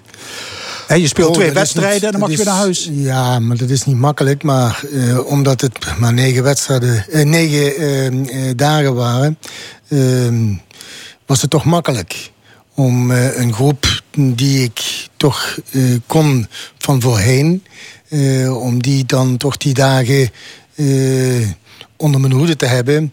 En het waren maar twee wedstrijden. Ja, eentje gewonnen, Dus, eentje verloren. Ja, inderdaad. Een groep die het heel moeilijk heeft. die meer kwaliteiten heeft dan dat ze laten zien. Daarom kunnen ze het ook niet laten zien. Zo makkelijk is het. Ja. Ehm, maar ja, dat doe je. Ja, was Omdat een, vriend, was een ervaring- vrienden, vriendendienst ook voor ja, zo kun je het wel zeggen. Ik zit daar in de Raad van Commissarissen. En eh, dus je bent betrokken bij het wel en wee van de club. En eh, als er dan die vraag komt, ja, dan is het heel moeilijk om nee te zeggen. Er is in Gelsenkirchen nog geen eh, restaurant met een Huub, eh, Huub Stevens schotel. Nee, ik geloof het niet en ik hoop ook niet dat dat komt. Ehm, ja, Schalke staat allerlaatste in de Ja. Bundesliga. Nu is Klaas-Jan Huntelaar overgenomen van Ajax. Is dat de reddende engel? Nee, dat kan niet alleen de reddende engel zijn. Eh, ik denk dat eh Klaas-Jan wel een heel belangrijk iemand kan zijn voor in de kleedkamer. Maar als je Voor bij de wijze van kleedkamer? spreken- ja, zeker. Eh, om daar toch die jongere gasten de weg te wijzen die ze moeten gaan belopen in deze situatie. Daar kan hij een ontzettende grote steun zijn voor die jongere spelers. Ehm, buiten dat hij ook nog altijd de kwaliteiten heeft voor op het veld iets te presteren. Dat heeft hij ook laten zien in de laatste tijd bij Ja, Ajax. zeker. Was het uw idee trouwens om nee, hem aan nee, te nee, nee, kopen? nee, nee, Het eh, was niet mijn idee. Want we hadden wel, bij wijze van spreken, geloof ik, vier weken vooraf hadden wij contact, telefonisch. Maar toen hebben we daar niet over gesproken in ieder geval. Nee, maar misschien hadden ze beter uh, Giacomakis kunnen aankopen. De Gert Ja, Muller van de Eredivisie. Ja, maar die zal eh, denk ik iets te duur gaan worden. Ah, Eh, voor 5, 6 miljoen heb je hem. Ja, inderdaad. Maar dat is toch al heel veel geld. Ja, we praten over 5, 6 miljoen. Eh, in Nederland worden eh, bepaalde eh voorgoede spelers ook al heel snel topscorer. En daar moet je ook heel voorzichtig in zijn. We kennen de voorbeelden van spelers die in Nederland heel veel doelpunten gescoord Ja, hebben. En klopt. weer naar het buitenland gegaan zijn. En daar niet tot hun recht gekomen zijn. Ja, maar gisteren deed hij het weer, hè? Nou, hij heeft Wat- gisteren wat- weer wat gescoord, vindt u van moet ik zeggen. Nee, ik moet zeggen, het is een openbaring. Ja, als je als, als nobody eh, bij een club als VVV eh, tot op dit moment 21 doelpunten kunt scoren, dat is fantastisch. Maar om dat bij een iets grotere club te gaan doen, dat wil ik nog wel eens zien. Meneer Stevens, waarom is voetbaltrainer zo'n mooi vak? Ja, omdat je met mensen te maken hebt. En we hebben op eh, deze planeet hebben we 7 miljard mensen. En er is geen één mens is gelijk. En dat is het interessante, ook voor een voetbaltrainer. Ja. Oké, maar het levert ook veel stress op, neem ik aan. Ja, hè? natuurlijk. Maar, toch de mooie kanten die prevaleren. Maar, ja, daarom, eh, we zijn al de hele ochtend bezig over eh, corona en noem maar op allemaal. En rellen en weet ik wat. Laten we het heel positief houden en over voetbal praten. ja, oké. Maar, Ja. maar dan nu meteen de hamvraag. Wat maakt iemand tot een, tot een topcoach? Ja, wat daar, wat heb, moet ik, je daar hebben? heb ik denk ik niet de tijd voor hier om eh, dat uit te gaan leggen. Maar in ieder geval, eh, een, een, een topcoach moet met mensen om kunnen gaan. En ik heb net al iets gezegd over, er is geen mens gelijk. Ja. Ja, en als je bij wijze van spreken dan met een eh, selectie van verschillende mentaliteiten en mensen te maken krijgt, ja, daar moet je een geheel van maken. En dat is niet makkelijk. Je moet natuurlijk voetbalverstand hebben. Ja, als het over een voetbalteam gaat, ja, ehm, dan eh, moet je natuurlijk ja, een klein beetje psycholoog zijn. Ja? Dus eh, daar komen zoveel facetten bij elkaar. Ja, maar, maar neem Georges Ulte. Die heeft Ja. nu Fortuna Sittard gereanimeerd. Hij wordt nu van alle kanten bejubeld. Is dat, is dat terecht? Nee, maar fantastisch voor hem. Maar laten we eens over twee, drie jaar praten. Kijk, Is- dat is- is, namelijk ja, het punt. Ja? Je kunt wel een goede coach op een bepaald moment zijn... dat het net past bij die groep. Maar je moet het ook verder ja, bekijken. Of je ook bij wijze van spreken over jaren en jaren eh, met bepaalde groepen eh, resultaat Ja, kunt boeken. er, er is veel opportunisme in de voetbalwereld. Nee, als je vijf wedstrijden achter elkaar wint, dan ben je de nieuwe Pep eh, iedereen, Guardiola. iedereen, iedereen zegt, als, er, eh, als je een goed resultaat haalt, ben je een goede coach. Maar zo is het niet Nee. hoor. En als je een paar keer achter elkaar verliest... eh, Dan eh, Sta- sta je ken, je, ken je er helemaal Ja. niks van. Ehm, die Ulte die, die hoort thuis in het rijtje Erik ten Hag, Arne Slot, Peter Bos. Dat zijn van die zogenoemde labcoaches van de moderne school. Wat doen zij anders dan trainers van de oude stempel? Dat weet ik niet. Kijk, eh, dan, kijk, ik vind dat ook heel moeilijk om hier een oordeel te gaan geven over een, een soort trainer of mens. Ja? Eh, Dan moet je mm, dagelijks met hem te maken hebben. Dan kun je een oordeel geven. Ik kan niet vanuit die studio hier even een oordeel geven over Ulte of over Ten Nee, dat snap ik. Maar wat bedoelen ze dan met de moderne school? Ja, met, de moderne school is dat, is dat, ze, dat ze eh, de technieken die voorhanden zijn gebruiken. Ja, en dan hebben we het over een laptop. Maar zo zijn nog veel meer technieken eh, die voorhanden zijn. Maar ik blijf altijd erbij dat je met mensen te maken hebt. En een mens is heel anders als bij wijze van spreken een auto. Ja, het is heel makkelijk om een auto aan het lopen te krijgen. Om een mens, ja, die met, eh, met zoveel emoties en, en, en zoveel tegenstellingen allemaal te maken hebben. Om die in het gelid te krijgen, dat is wel iets anders hoor. Kijken zij te veel, of beschouwen ze voetbal te veel als wetenschap?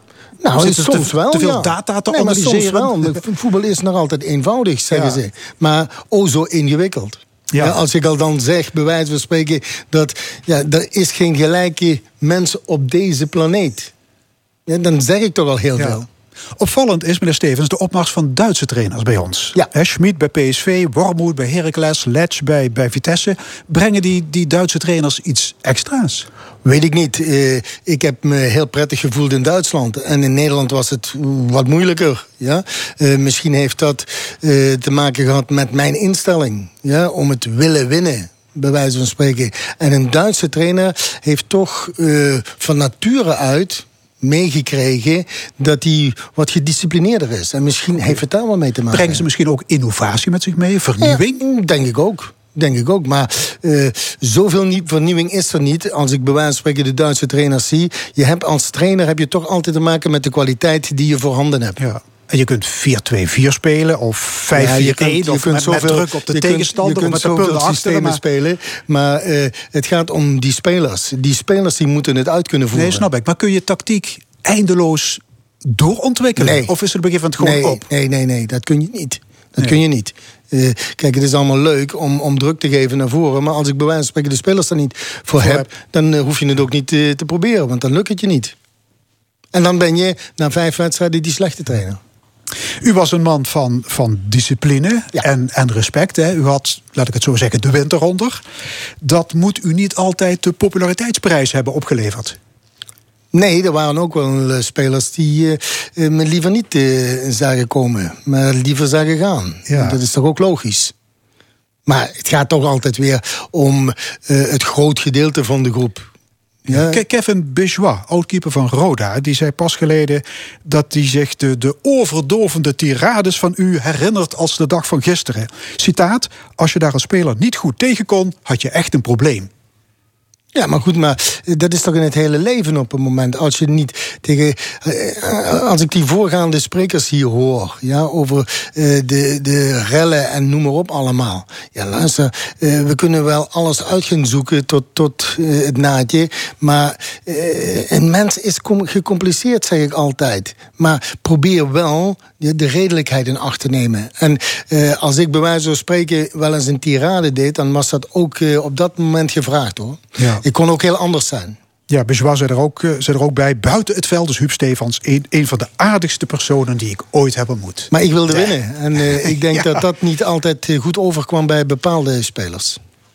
En u zei er straks, eigenlijk is het allerbelangrijkste de kwaliteit van de selectie. Ja, natuurlijk. Maar, maar de menselijkheid wat je, wat je ook neerlegt bij de spelers. Kijk, en dan, dan de een moet je af en toe wel eens een keer een eh, schouderklopje geven. En de ander die verdient af en toe wel eens een tik. Nou ja, Ja. goed. En, en, en zo speel je dat. Een halve psycholoog moet je, moet je Inderdaad. Jan inderdaad. Mulder die roept altijd dat het belang van trainers schromelijk wordt overschat. Hij zegt, als je goede spelers hebt, dan hoef je eigenlijk gewoon niks meer te doen. Nou ja, als je ehm, vanuit de tijd dat hij speelde, wel lang kan, ik geleden, kan, ik, kan ik me dat goed voorstellen dat hij zo dacht.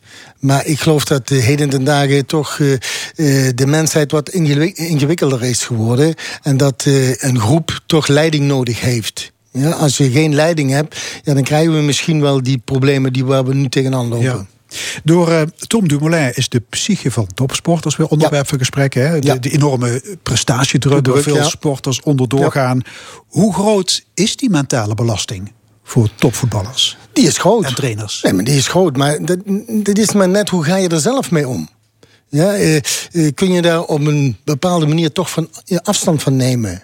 En eh, bij Tom denk ik dat het dat probleem geweest is dat hij er geen afstand van Ja, kon nemen. Dat hij sommigen constant, kunnen- kunnen dat niet. Constant maar wilde, wilde, wilde. Ja, en Ja. en voor, voor zichzelf, maar ook voor anderen. Eh, ja, en dan krijg je toch een probleem op een bepaald moment. Wordt voldoende gedaan aan psychologische begeleiding?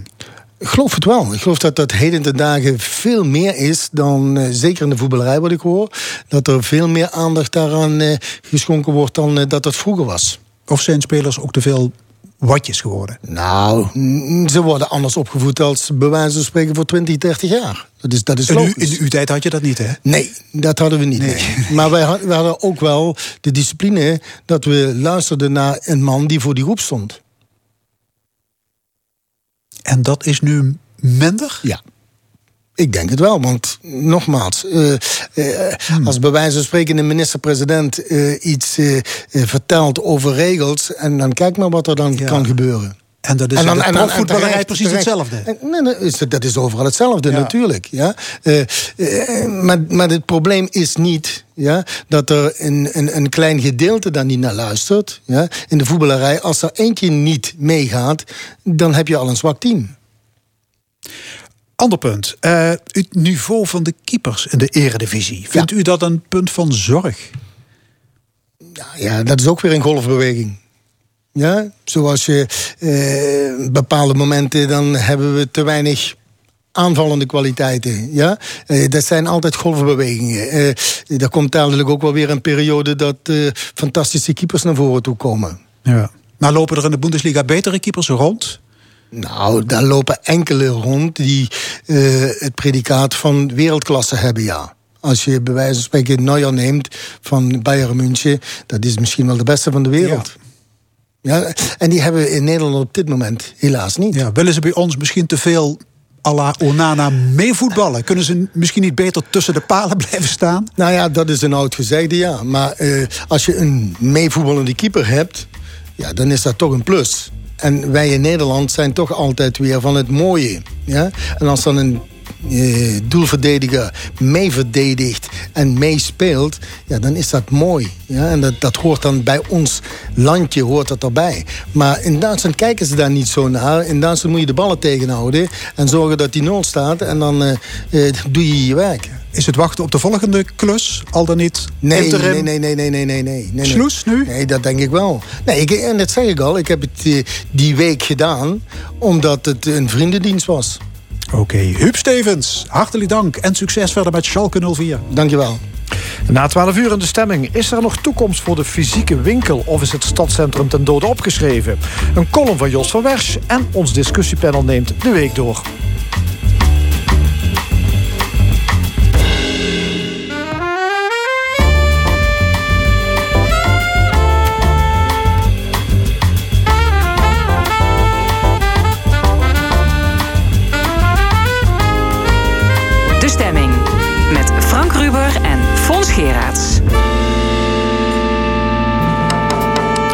Opnieuw welkom bij De Stemming. En wat allemaal nog in de tweede en laatste uur. Straks discussieert het panel met Terza Hoebe, Loek Hustings en Cor Bosman... over de toekomst van Maastricht-Aken Airport... rellen in onze steden en andere actuele zaken. De column van Jos van Wersch, maar eerst... is de winkelstraat ten dode opgeschreven. De lockdown en de verplichte winkelsluiting hebben veel middenstanders in de problemen gebracht. Het verdienmodel van de fysieke winkels was al niet florissant, maar staat nu dus verder onder druk.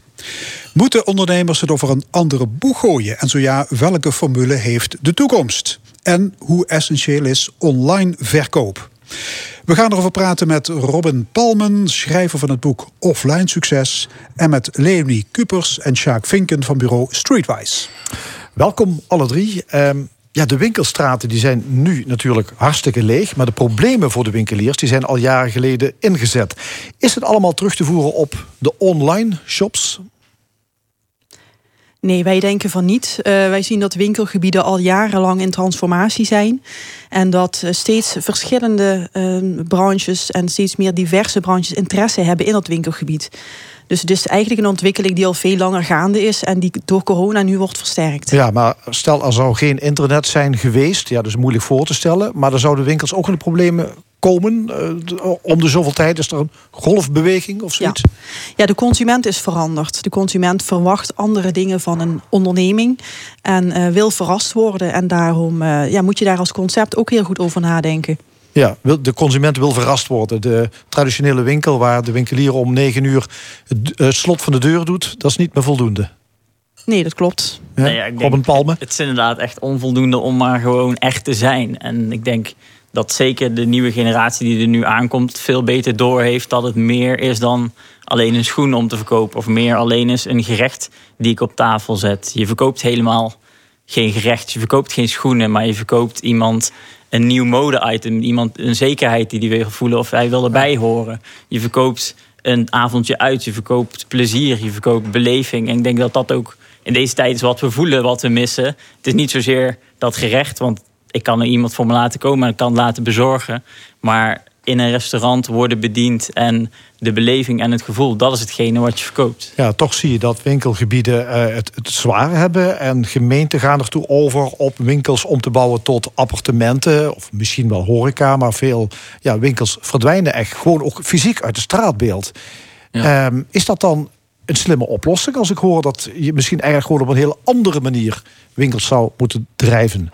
Nou nee, dat is deels een uh, goede oplossing. Maar ik denk dat onderschat wordt dat uh, nieuwe ondernemerschap uh, ook nieuwe dingen kan brengen in die, in die winkelgebieden. Daar zijn wij nou vooral streetwise mee bezig. Hè. Een jonge generatie, en waar jij ook naar verwijst die bovengemiddeld succesvol is met andere ideeën, hele andere kijk naar zo'n winkelgebied kijkt, maar ook daadwerkelijk daar zo mee omgaat. Ja, maar, maar gewoon maar winkels alleen maar sluiten omdat je denkt dat het geen toekomst nog heeft, dat is ook weer niet goed ja, eh, winkels sluiten. Hè, omdat ze um, nou, ik bedoel, klaar panden, zijn panden opbouwen. Ja dat, ja. dat is natuurlijk wel een oplossing. Hè. Ik vind uh, wonen in een, in, een, in, een, eh, in een winkelcentrum of in een stad uh, te gek. Lijkt me heel mooi. Ook voor jonge mensen. Je ziet dat ook. Hè. Jonge mensen die ondernemen in een winkelgebied willen er ook graag weer wonen. Zoals vroeger dat is, ja. zo was. Ja. Robin Palme, u heeft een boek geschreven voor ondernemers die met een fysieke zaak succes willen scoren. Ja. U schrijft dat veel winkeliers en ook horecaondernemers trouwens in slaap zijn gesukkeld. Hoezo? Nou ja, ik denk dat, dat een, hele, een hele generatie voor mij echt heel erg... Um, ja, het liep vroeger. Twintig jaar geleden was dat voldoende om er te zijn...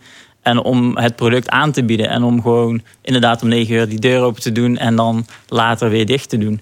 Um, maar dat is niet meer van deze tijd. In deze tijd wordt er, uh, wat, wat net ook gezegd wordt, wordt gewoon meer verwacht van je. En je zult meer moeten leveren dan, uh, dan dat dat vroeger was. En um, ja, daar, natuurlijk heeft online daar een factor bij. Want ik zeg het offline succes, omdat mijn, uh, mijn eigen business, een tattoo shop, is ook heel erg offline. Ik kan geen online tattoos verkopen. Um, maar online heb je, kun je wel gebruiken om je offline product in de etalage zetten. Waar je vroeger reclame maakte in een lokaal krantje, doe je dat nu online. Ja, u, u schrijft, uh, u, je moet hybride ondernemen. Ja. Je moet er fysiek zijn met je winkel, zoals in uw geval een uh, tattoo shop in ja. echt. Maar je moet uh, dat combineren met online. Ja, ik denk dat dat, dat nu, de, nu de manier is om het te doen. Wij zijn nog steeds. Um, uh, mijn assistent is nog steeds videocalls aan het maken de hele week met mensen die uh, ideeën bespreken voor een tattoo. En er worden nog steeds afspraken ingepland op die manier. Dus we zijn nog steeds in contact. En ik, dat is de manier om het nu te doen. Omdat je gewoon ja, nu fysiek ook echt beperkt wordt. Um, is dat de manier om te gaan. Plus, als je open bent, is de eerste... Ja, iedereen die op zoek is naar iets, die pakt Google erbij. Die gaat zoeken. Dat is je eerste etalage, je website. Dat is het eerste waar men binnenkomt. En als je daar dan al je, je business kan presenteren zoals die is offline... ehm, ja, dan, ben je, dan ben je al een dikke stap verder. Ja, maar je moet online zeker vindbaar zijn dus. Ja. Zeker, ja.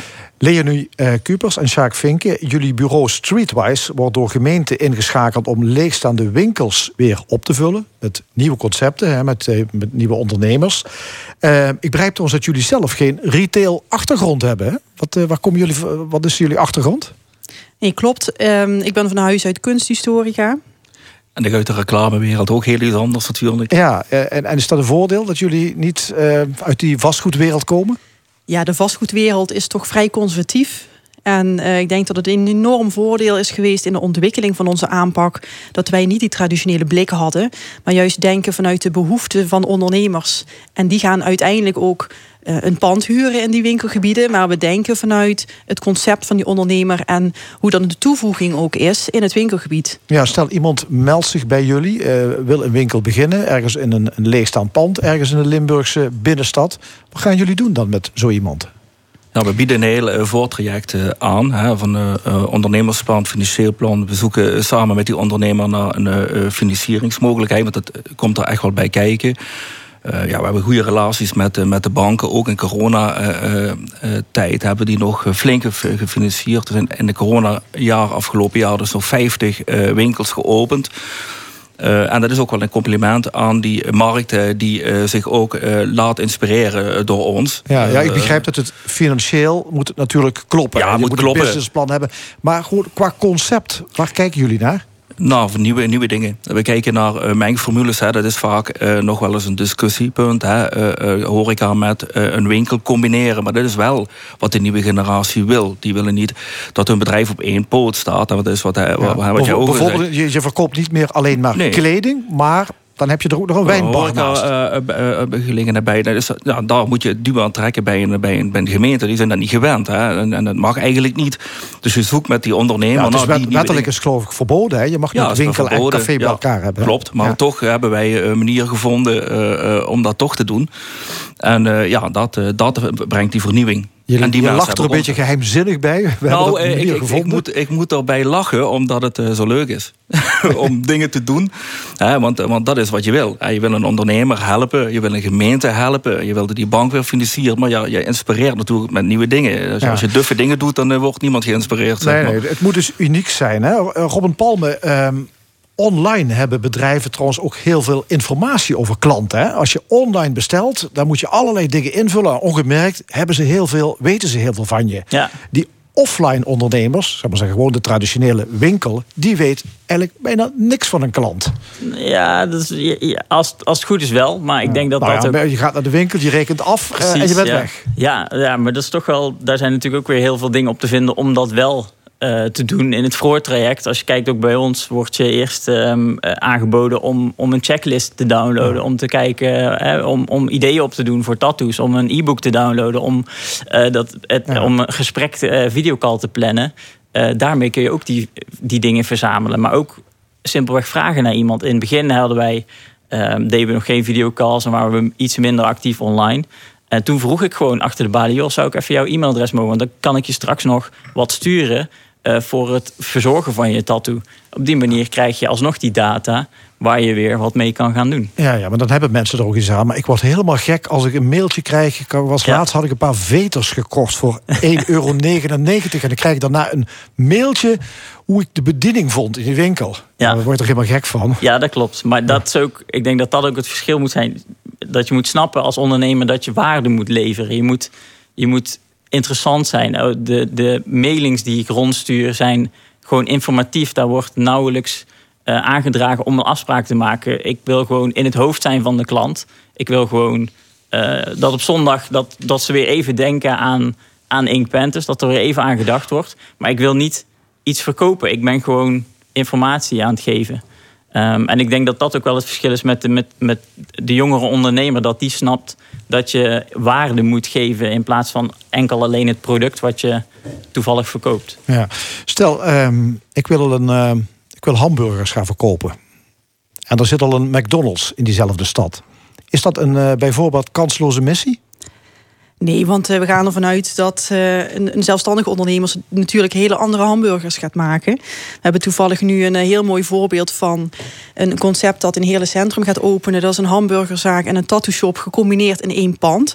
Dus dat is eigenlijk een totaalconcept met ook hele bijzondere hamburgers die gegarneerd worden met eetbare bloemen bijvoorbeeld. Nou, dat zie ik McDonald's niet zo snel doen. Dus er is nog genoeg in een binnenstad wat er nog mist en wat toegevoegd kan worden. En om het verhaal uh, op het verhaal van Robin aan te haken. Ik denk dat online en offline, uh, dat we dat niet meer als twee verschillende werelden moeten gaan zien. Want die nieuwe generatie ondernemers ziet dat onderscheid helemaal niet. Die hebben een concept en er zijn verschillende uitingen van. Die fysieke winkel, Instagram, Facebook, noem maar op. Um, dus uh, ik denk dat we dat moeten los gaan laten. Ja, um ja, een restaurant verkoopt geen eten en drinken, maar bijvoorbeeld gezelligheid, ontspanning en gemak, uh, schrijf jij Robin uh, Palme. Ja. Uh, een kledingwinkel verkoopt geen kleding, maar zelfvertrouwen, aanzien en identiteit. Ja. Ja, dat is wat. Je moet er wat voor doen, dus. Ja, het, is, het komt niet vanzelf. En ik denk dat dat ook de, de vertaalslag is die sommige ehm, gevestigde ondernemers van die al twintig jaar hun ding doen, uh, dat die die omslag nog moeten maken. Dat ze moeten snappen ja. dat ze niet gewoon enkel alleen product kopen, maar dat er meer achter zit. Wat je, dat gevoel wat je verkoopt, dat is hetgene waar je op zoek naar gaat. Ja, maar mensen komen dan uh, voor dat geweldige gevoel naar die winkel, stel ik mij voor. Ze kijken tussen de kledingrekken bijvoorbeeld. Uh, er zit wel een leuke barista staat daar nog in een hoek. En ze kijken eens naar die, naar, die, naar die prijzen. En dan gaan ze naar huis en dan bestellen ze het via internet. Nee, zo werkt het niet. wat wij zien bij uh, jonge mensen die nou uh, een, een, een modezaak hebben, die hebben überhaupt helemaal geen seizoenenvoorraad meer. ze, ze spelen op een doelgroep in, hè. Ze, ze, ze creëren die zelf. online en die trekken dan zeg maar ja, die, die doelgroep naar hun winkel. en vaak ja, geeft die doelgroep al van tevoren aan wat ze leuk vinden om die week te kopen. Dus er zijn geen voorraden meer. Eigenlijk koopt iemand één keer in de week in. Maar waarom zou iemand toch in die winkel kopen en niet naar huis lopen en het dan via internet bestellen? Omdat het dan toch weer 2 euro goedkoper is? Ja, omdat met name die zelfstandige ondernemer een klant kent en die geeft advies.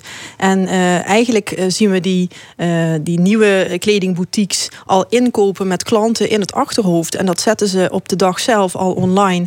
Voordat het in de rekken hangt, is het vaak al verkocht. Maar wat heb je als klant voor voordeel om het dan fysiek te gaan kopen bij die winkel? Ten opzichte van het bestellen via internet? Ja, omdat je als klant onderdeel bent van een soort community van die winkel. He, je, je hebt daar je outfit gehaald en uh, je komt daar ook andere klanten tegen die ook um, in jouw klanten en jouw kennissenkring zitten. Dus het is meer een community van klanten die elkaar kent en die uh, ja, elkaar ook in die winkel treft. Dus het is meer dan alleen een product willen kopen, want dat kunnen we intussen overal. Maar je wil een bepaalde beleving, een bepaald gevoel hebben als je bij een bepaalde zaak iets aanschaft. Ja, als je nu naar een Limburgse binnenstad gaat, um, nou ja, nu is het helemaal uh, natuurlijk stil, maar je ziet heel veel leegstand. Uh, dus ik denk dat veel mensen het idee hebben, ja, het is uh, een beetje pompen of verzuipen nog. jullie proberen die winkels toch weer gevuld te krijgen. Hebben jullie succes? Hoe? Nou ja, we proberen dat niet alleen. Uh, we hebben de afgelopen jaren zo'n 400 nieuwe ondernemingen laten landen in die kernwinkelgebieden. Dat is in, al die Limburgse gemeenten? Ja, ja in, in, het werkgebied waar wij actief zijn. Ja. Um, en van die 400, hoeveel slagen er daarvan? Het slagingspercentage ligt boven de 90 procent. Landelijk gemiddelde is 40 à 50 procent in de retail en horeca. Dus die mensen doen het gewoon hartstikke goed. Um, tuurlijk heb je winkelleegstand. Dat heeft er ook mee te maken dat ook veel ketenformules de Limburgse binnensteden verlaten hebben de afgelopen jaren. Uh, het is ook lastig om ketenformules terug te krijgen in die binnensteden. Dus we zullen nu nog meer moeten inzetten op vernieuwende concepten, nieuwe ondernemers. En dan binnen uh, die compacte kernwinkelgebieden, hè, die vaak al meer afgebakend zijn dan, dan voorheen, om daar uh, ja, mooie formules terug te krijgen. Ja, is misschien misschien is het wel heel positief dat juist die ketens weg zijn. Ja, dus dat, dat, dat is wel een, uh, iets bijzonders eigenlijk. Want uh, je ziet dat, uh, dat een winkelgebied dan weer een stukje identiteit terugkrijgt. Hè, en dat, dat, ja, dat er weer lokale mensen in die, in die winkelpanden gaan ondernemen. En wat, wat ik persoonlijk het allermooiste vind, hè, we hebben natuurlijk eh, in deze provincie heel vaak over uh, vergrijzing gehad. En jongeren trekken weg. Maar uh, wij zien dat juist de jongeren, hè, dus van tussen de 20 en 35 jaar, dat is onze doelgroep die ons ja, prettig vindt om, dat, om met ons te werken. Ja, dat vind ik wel heel mooi dat dat zo is. Ja, dat, dat die nu een plek vinden in die winkelgebieden. En uh, niet uit noodzaak. Hè. Die zeggen, daar werkt de baan voorop of, of weet ik wat. Maar die zien daar de kansen. En dat, uh, dat is een hele mooie ontwikkeling. Ja, het zijn vaak jonge ondernemers hè, die dus wel slagen. Ehm, Robert Palme, je hebt een tattoo shop ja, in echt. Klopt, maar je ja. hebt zelfs nog weer andere ideeën. Uh, ja, ik heb dat, er zijn al heel veel dingen op stapel ook. Ik heb nog een tattoo-conventie. Die zou eigenlijk afgelopen jaar zijn plaatsgevonden. Maar door corona wordt dat dit jaar van de zomer, als het goed is. Um, in de EC in Roermond. Um, dus dat gaat nog plaatsvinden. Een ander ding, ik ben nu ook media aan het maken. Dus ik heb een podcast gepubliceerd en ik maak film. Um, en daarbij inderdaad, een restaurant uh, moet ook nog dit jaar geopend worden. Een restaurant moet ook nog dit jaar geopend ja, worden. Ja, ja, Doe je er ook nog bij? Dus uh, wat, moet er ook nog bij, ja. ja. een restaurant beginnen, dat lijkt al ja, opmerkelijk hè, in deze tijd. Ja. Maar wat voor soort restaurant? Um, het idee is om streetfood, het beste van streetfood te gaan, te gaan presenteren. Um, en ja, ook uit puur uit um, weer diversiteit. Ik denk inderdaad dat heel veel jonge ondernemers niet meer per se inzetten op één ding. Um, als ondernemer ben je sowieso geneigd als je één, als je één ding lopend hebt om, te om zoiets te hebben van ik moet door, ik wil weer iets nieuws bouwen. En dat is bij mij ook zo. Dus zo uh, ontstaan weer de nieuwe projecten om nieuwe dingen te gaan doen.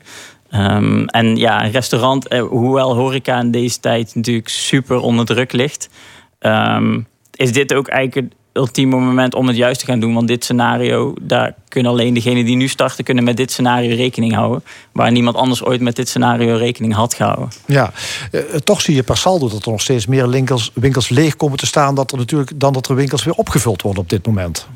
Ja, wij zien dat niet uh, zo. Uh, maar dat komt ook omdat wij elke dag uh, bezig zijn met, met positieve. ja, ja, als, ik door de stad, als, ik, als ik door de stad ja. loop, denk ik: oh ja, weer een winkel ja. weg. Ja, en daarom is het zo belangrijk dat we ook nieuwe formules blijven toevoegen.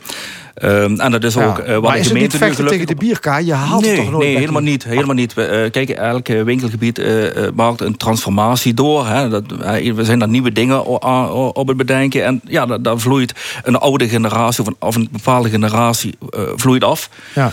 Maar toch, het planbureau... moeten, moeten, zou ja. dat moeten, moeten blijven motiveren. Het planbureau voor de leefomgeving verwacht volgend jaar een stijging van faillissementen.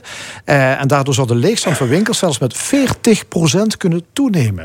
Dat is dus desastreus. Ja, ik heb altijd enorme moeite met zo'n voorspellingen. Want we hebben ook allerlei cijfers over ja. krimp in Zuid-Limburg gehoord de afgelopen jaren. En die, die krimp blijkt er nou bijvoorbeeld in Heerlen weer niet te zijn.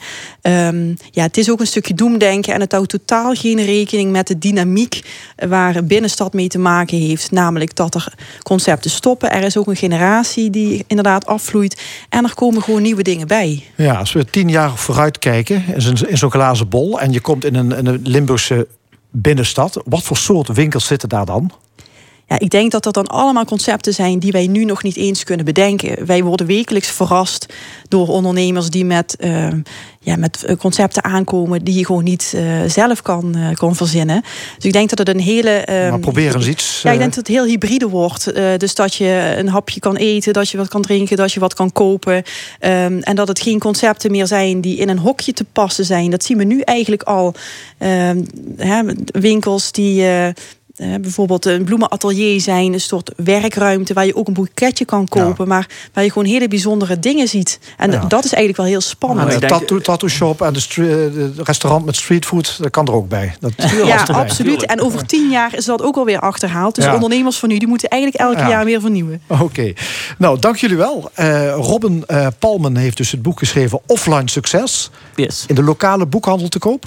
Uh, nog niet, maar hij is wel, hij, omdat de lo lokale boekhandels veelal nog dicht zijn. Dus hij is daar nog niet uh, binnen kunnen rollen. Maar hij is wel online te koop bij bol.com, bij, ja. bij de Bruna. Hij moet wel de, in de boekhandel maar natuurlijk. Maar ook bij de wat lokalere ja. boekhandels uh, online. Offline Succes heet je boek. Dus in elk geval yes. ga even zoeken en je kunt het vinden. Dankjewel Robin Palme. En natuurlijk ook Leonie Kupers en Sjaak Vinken van het bureau Streetwise. Ja, graag gedaan. U luistert naar de stemming van L1 Radio. Iedere zondag van 11 tot 1. Zometeen de column van Jos van Wersch. Maar eerst een Limburgstalig protestlied van Herman Veugelers. Arbeid adelt.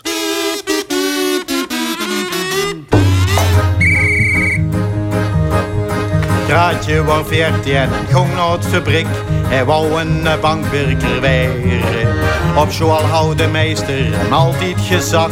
Met vlijt maakt men slechts carrière. Ging hij met diever meteen aan de slag.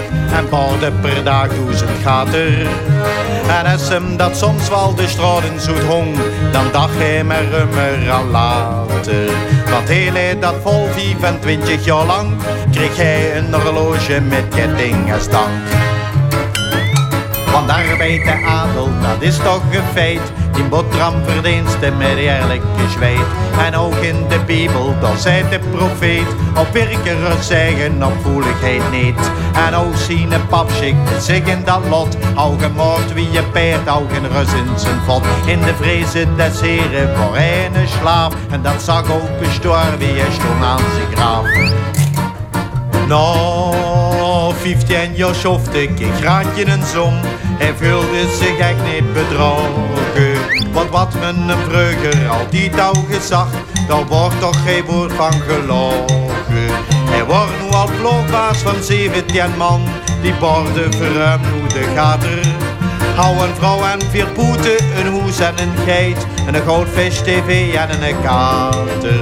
En borde hij nog met aan die bank, kreeg hij een horloge met ketting en stank. Want arbeid de adel, dat is toch een feit. Die boterham verdienste met eerlijke zweet.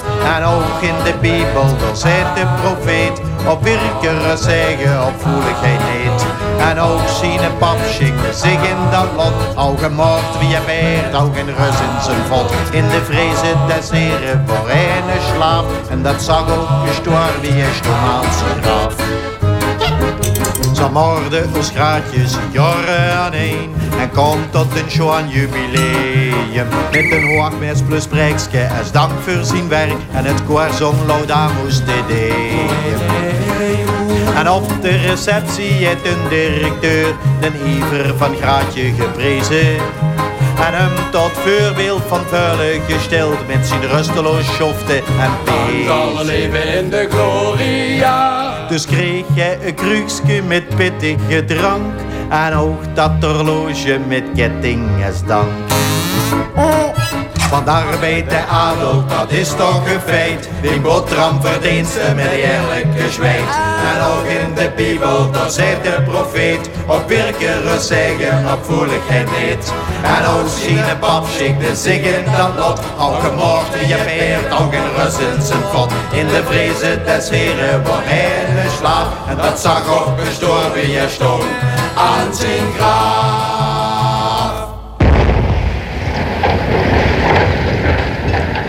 Ja, Herman Veugelers al ruim 20 jaar dood.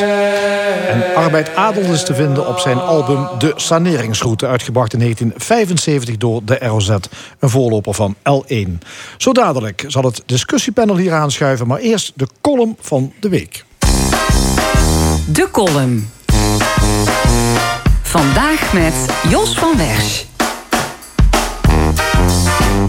In Maastricht hebben ze in deze week een unieke vorm van burgerparticipatie.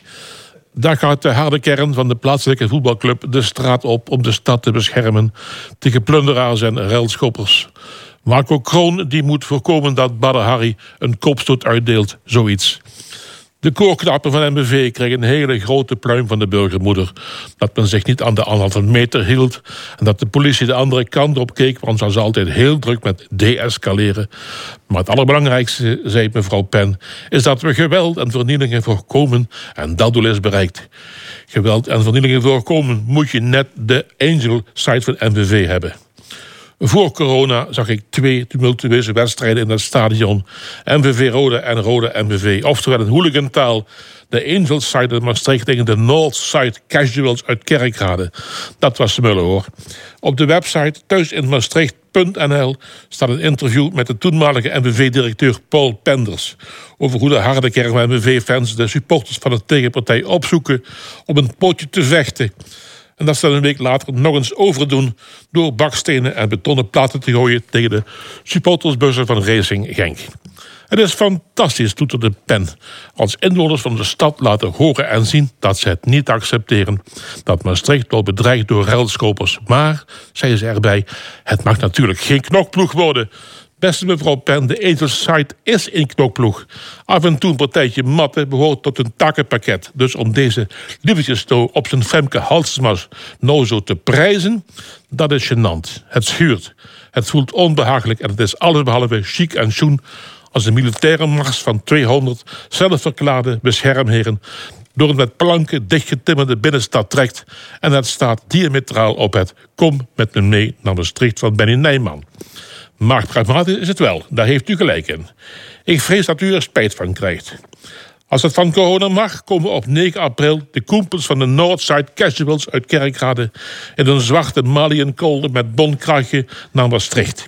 Alwaar ze op zijn Mike Tysons worden verwelkomd bij het Geuslerstadion. Ik vrees dat het mevrouw Pen op die 9 april nog wel eens dun door de broek gaat lopen. Ze heeft als pragmatische burgemeester haar stadspatrouille immers salonveeg verklaard.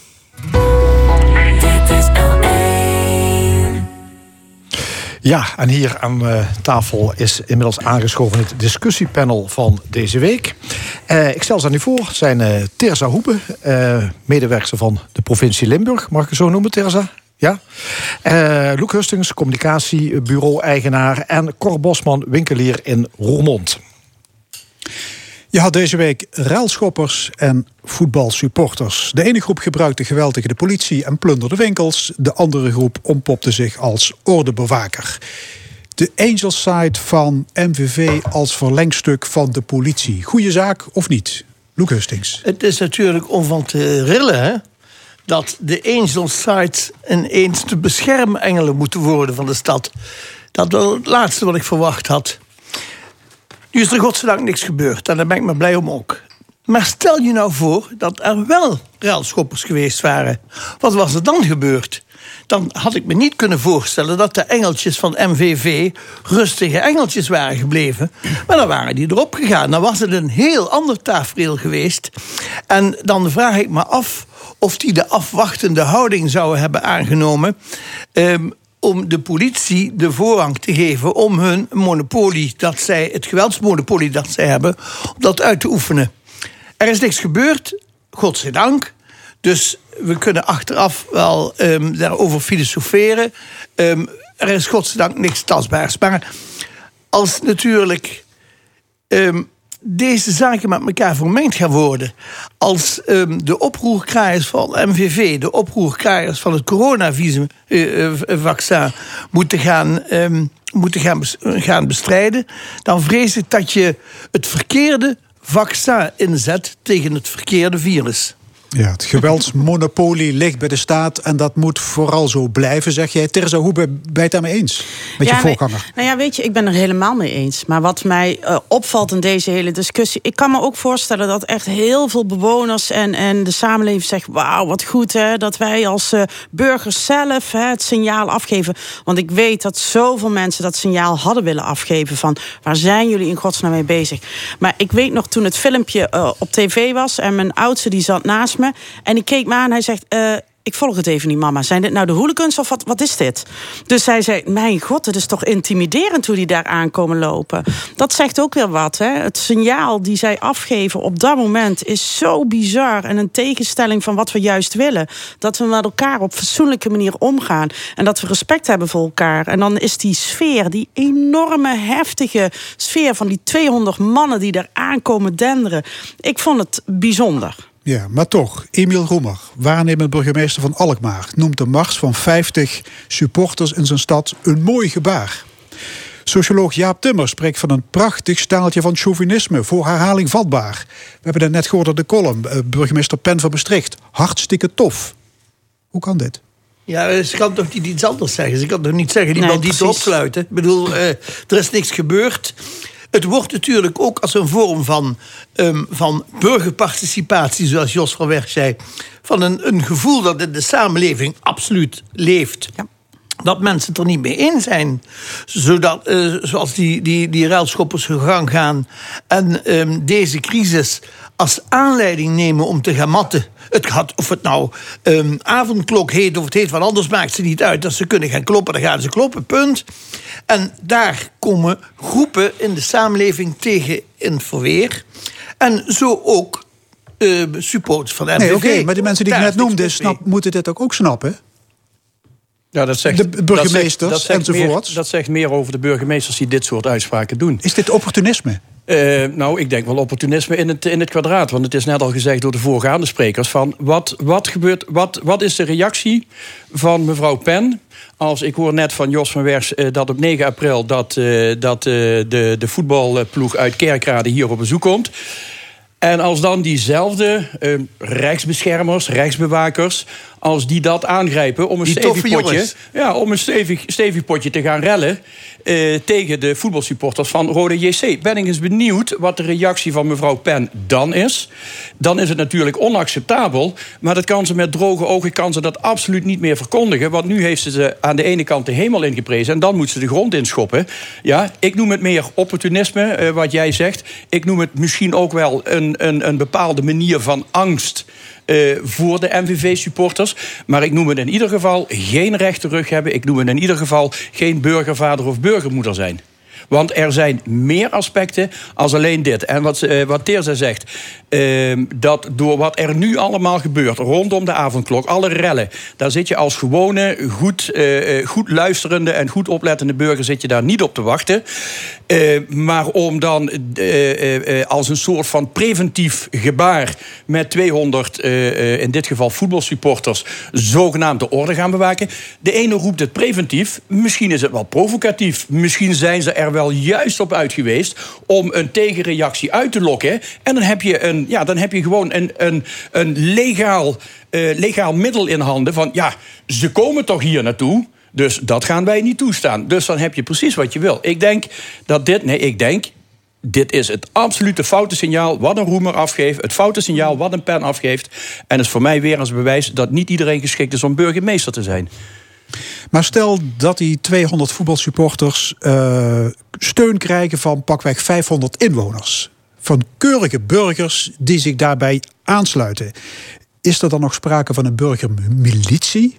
Of kunnen we dan spreken van burgerparticipatie? Ik denk, ik denk dat je dan wel van een burgermilitie. Uh, kijk, ik ben winkelier in Roermond. Gelukkig zijn ze uh, uh, langs onze winkel afgetrokken.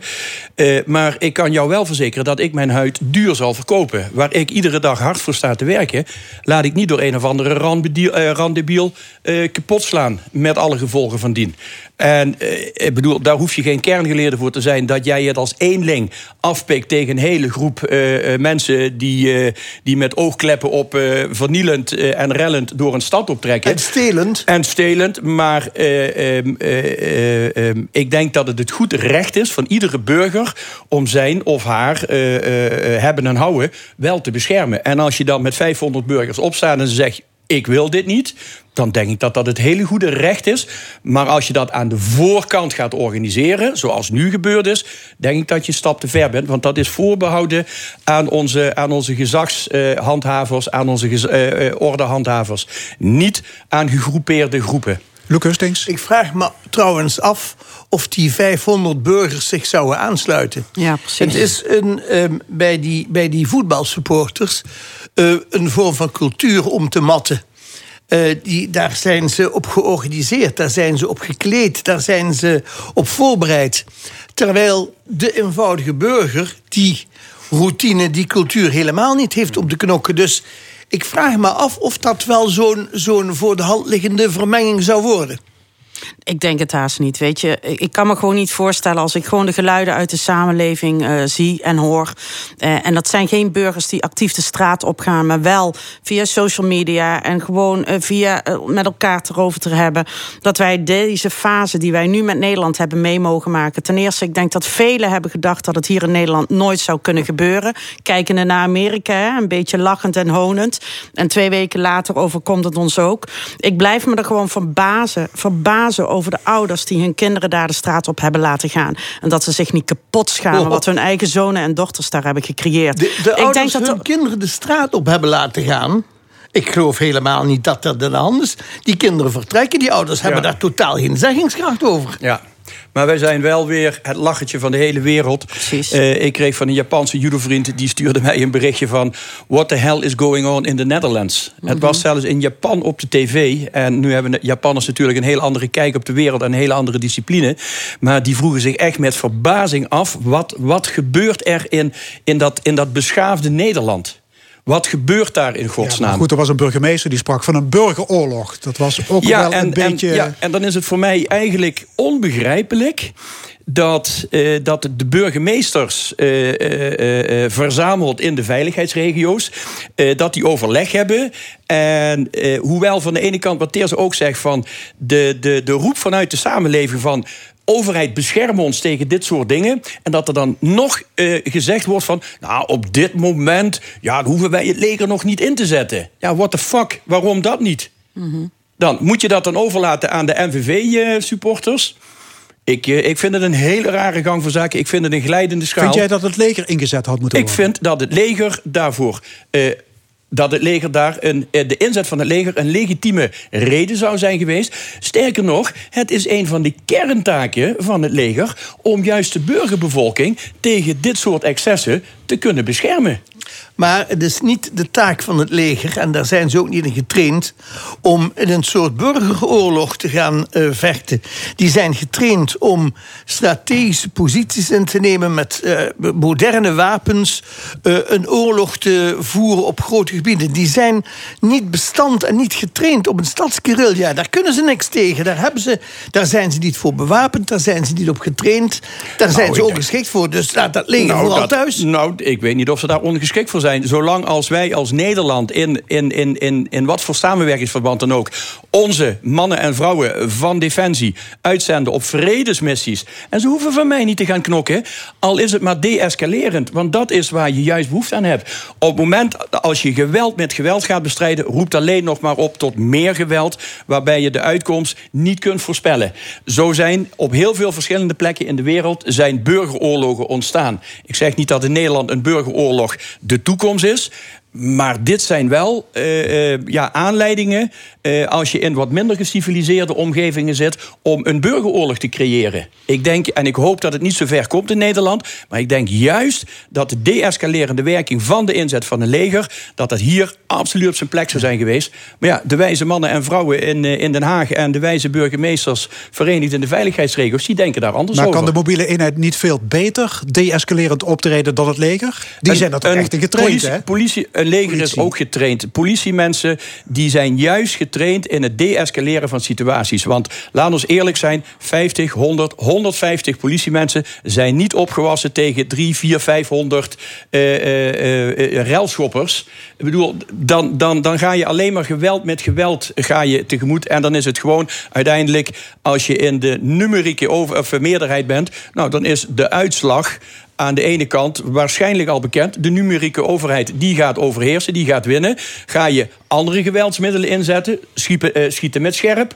dan zou misschien de andere kant. Maar dat is nou dan in, eh, in onze samenleving. Daar moet je in bananenrepublieken voor zijn... waar een leger gewoon op, op, eh, in opdracht van de president... gewoon onschuldige burgers omverschiet. Nou, weet je, ik denk dat deze hele situatie die- die wij de afgelopen week hebben meegemaakt, ons laten zien in, in, in klein Nederland dat niet alleen het eh, laten vaccineren van eh, 17 miljoen mensen een heel groot probleem al is voor deze overheid, maar dat, we ook, eh, dat het ook laat zien dat wij een totaal verkeerd beeld hebben wat er leeft onderhuids in onze samenleving. En deze hele situatie laat zien dat wij eigenlijk op een kruidvat zitten waarvan de meeste politici niet eens weten dat deze enorme ontevredenheid heerst. Want dit zijn niet alleen de supporters, hè, het zijn niet alleen een paar reltrappers. Dit is een gevoel die bij heel veel mensen heerst. En wat mij dan opvalt, is dat de politiek hier ongetwijfeld geen lering uit zal gaan trekken en hier ook niet op zal gaan anticiperen richting de toekomst. En dat baart mij enorm veel zorgen. Ik ben het er helemaal niet mee eens. Ik vraag me af. Gelukkig. Als je ehm, de doorsnee van de bevolking neemt, vraag ik me af of die zo ontevreden zijn. Nee, niet de doorsnee. Nee, maar daar het heerst onderhuids. En die zijn- onderhuidse gevoelens die kunnen gaan escaleren in, in combinatie met social media en dergelijke kanalen. Je ziet hoe snel dingen kunnen gaan veranderen. En op het moment, dit is gewoon een lontje, eentje.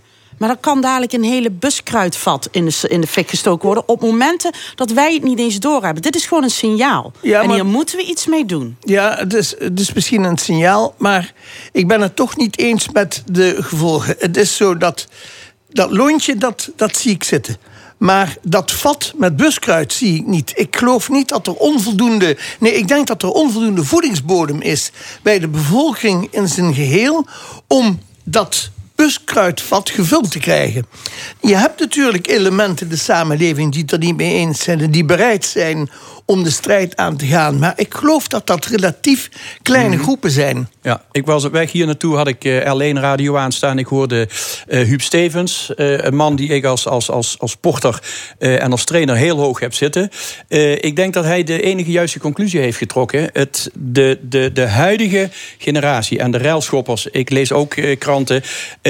het is een doorsnee van de hele bevolking. In- Op sommige plaatsen is het een, een, een wat mindere afspiegeling.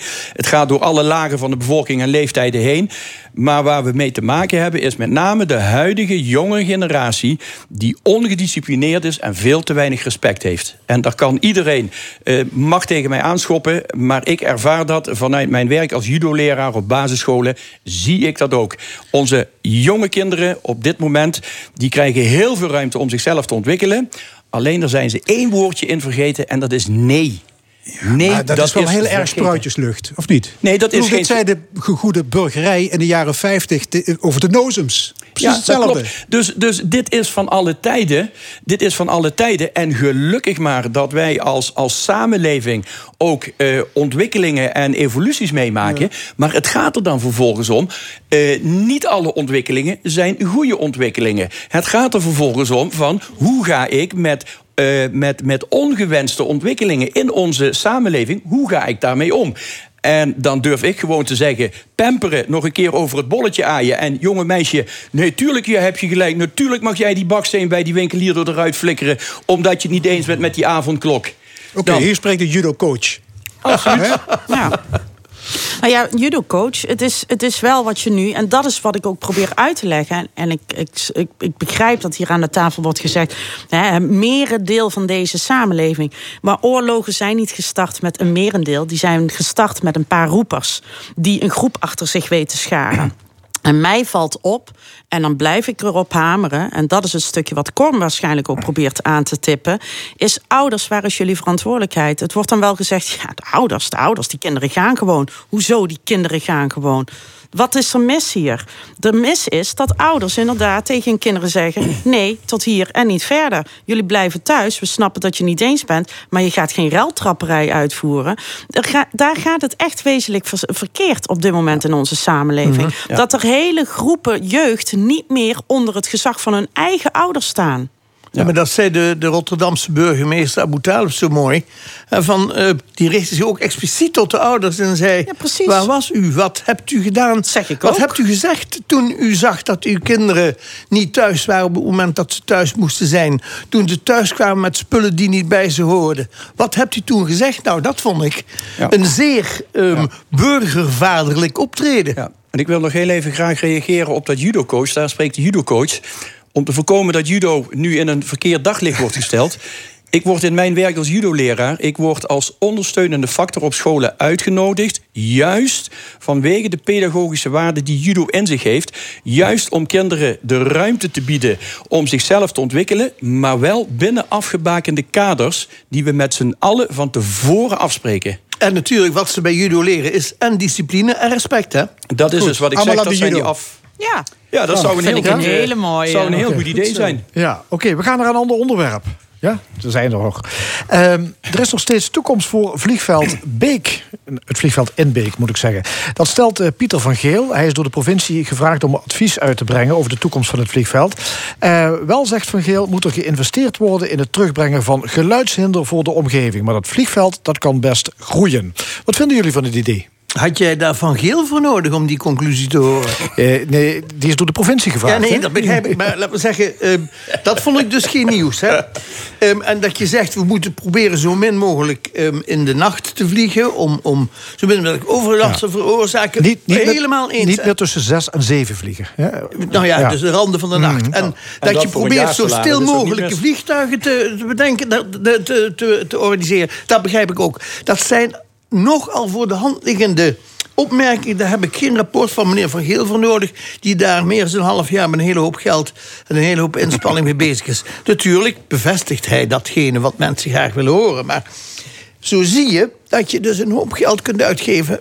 terwijl je dit soort dingen gewoon zelf kunt bedenken. En laten we het nou eens omdraaien. Weten jullie nog toen in der tijd KLM een veel grotere poot aan de grond kreeg bij ehm, Maastricht-Agen Airport, toen nog vliegveld Beek geheten? Die KLM kwam daar uitsluitend en alleen omdat dat MEC er in Maastricht aan zat te komen, dat internationale congrescentrum. Dat was een hele duidelijke koppeling. Dat congrescentrum moest eh, moet mensen aanvoeren uit de hele wereld om te komen vergaderen. Wat heb je daarvoor nodig? De weg, het spoor, maar ook vliegtuigen. Dus een, een goede ontsluiting door de lucht van Limburg was van essentieel belang. En vind ik overigens nog altijd van belang. Ook voor de transportsector, maar goed. Dus de luchthaven zal pas betekenis krijgen op het moment dat die sluit. Dan ga je merken wat, die wat de betekenis van die luchthaven was. Ik zou het erg spijtig vinden als we die conclusie op dat moment zouden moeten trekken. Want dan zijn we te laat. We moeten nu zorgen dat die luchthaven attractief is voor de EU-regio. Niet alleen voor het transport, maar ook voor, ehm, voor het, het personenvervoer. En als je bekijkt welke bewegingen mensen nu maken met de auto om naar een luchthaven te gaan, om een vliegtuig te nemen op vakantie te gaan, of wat dan ook. En je weet dat steeds meer mensen steeds vaker gebruik maken van de mogelijkheid om een, een, een week of een long weekend weg te gaan. Dan, als je die bewegingen kunt beperken. ehm, en dicht bij een luchthaven hebt waar je naar je bestemming kunt gaan, lijkt me dat alleen maar gunstig. Natuurlijk, die lucht, dat, dat, dat ehm, vliegtuig gebruikt ook energie. En natuurlijk, dat stoot ook uit. Dat is nogal wiedes. Maar ik denk als je dat goed organiseert met, ehm, met moderne, zuinige, geluidsarme vliegtuigen, dan ehm, vraag ik me af waar het probleem zit. Het probleem zit volgens mij veel meer, als ik dat nog even als laatste mag zeggen, in het feit dat je een vliegtuigticket naar Lissabon koopt voor 30 euro. En als ik met de trein naar Lissabon zou gaan, ben ik 330 euro kwijt. En daar zit natuurlijk een probleem wat wij niet hier aan deze tafel oplossen, maar waar wel de oorzaak zit. Waarom gaan al die mensen vliegen? Waarom maken ze niet gebruik van die geweldige leuke trein? Ja. Natuurlijk, die trein duurt langer, maar hij is hartstikke duur, niet te betalen. Ja, maar goed, jij, bent, jij ziet dus ook wel eh, toekomst voor die luchthaven. Zou een goede Zeker. zaak zijn, zeg jij. Teresa, hoe kijk jij er tegenaan? Ik weet het niet. Want wat me blijft verbazen is dat er gewoon geen scenario's worden uitgeschreven. waar bijvoorbeeld sluiten, 100% sluiten, wel voor impact en invloed heeft dat op onze provincie. Eh, en dat er eigenlijk toegewerkt wordt naar aanleiding ook van dit rapport. naar drie scenario's, maar daar hoort sluiting niet bij. Dus waar, waar moet ik over discussiëren? Ik kan dadelijk alleen maar discussiëren over drie vormen die mij aangeboden worden. En ik denk dat het ook voor eh, PS interessant is, die hier toch ook besluitvorming over moeten eh, Dat zij eens gaan nadenken van welke info hebben wij nou nodig om een weloverwegende beslissing te kunnen nemen. Want om nu te discussiëren over, en ik ben het helemaal met je eens, want nou, een fantastisch rapport, maar. Ja, sorry, dit wisten we toch allemaal al. Er staat niks nieuws in. En het is niet eens aanvullend of vernieuwend of een meerwaarde. Dit is iets wat we al wisten. En ik denk dat je als, als, als provincie, maar ook als eh, samenleving... gewoon echt moet onderzoeken... wat zou het ons echt gaan kosten als dit weggaat uit onze Nou ja, samenleving? er zijn wel berekeningen door tegenstanders van het vliegveld Klopt. gemaakt. En daaruit blijkt dat de toeristensector eh, in, enorm in de problemen kan komen als er meer gevlogen gaat worden van dat eh, of niet, vliegveld. hè? Ligt er maar aan hoe je dat, vanuit welke schaal je dat bekijkt. Precies. En dat is het gevaar van Nou rapporten. hè? Dus vanuit welke hoek. Maar daarom zeg ik ook een onafhankelijk on- bureau. toeristische ondernemers, hotelhouders, campinghouders... die vrezen voor steeds meer eh, lawaai... en dus het afhaken van toeristen. Ja, het staat tegenover als je met geluidsarme vliegtuigen vliegt en die randen van de nacht respecteert, dat dat probleem al minder wordt. Daarbij komt, ehm, je kunt je afvragen, moeten wij de bevolking van de Euregio, ehm, dienen we die meer door, door veel toeristen hier naartoe te halen? Of dienen we die meer om onze eigen inwoners makkelijker ehm, te, laten, te laten reizen? Dat is de afweging die je moet maken. Ja, het verhaal heeft altijd twee kanten. Ik, ik, ik was, ik ben, ik blijf voorstander van Maastricht-Aken Airport. In mijn tijd als provinciale eh, statenlid eh, heb ik dit verhaal ook eh, van heel dichtbij meegemaakt. Het rapport heeft voor mij geen enkele toegevoegde waarde. Wat wel is, en kijk, eh, gedeputeerde Joost van der Akker die zegt van ja, we moeten nog een, een, een MKBA, ma- maatschappelijk kostenbatenanalyse. Feit is, als ik alle, alle sites eh, eh, van luchtvaartonderzoekers en organisaties nakijk. Op korte termijn kun je van geen enkele investering in een, in een, eh, in een luchthaven kun je rendement uit verwachten. Dat is een kwestie van 20, 30, 40 jaren op de lange termijn.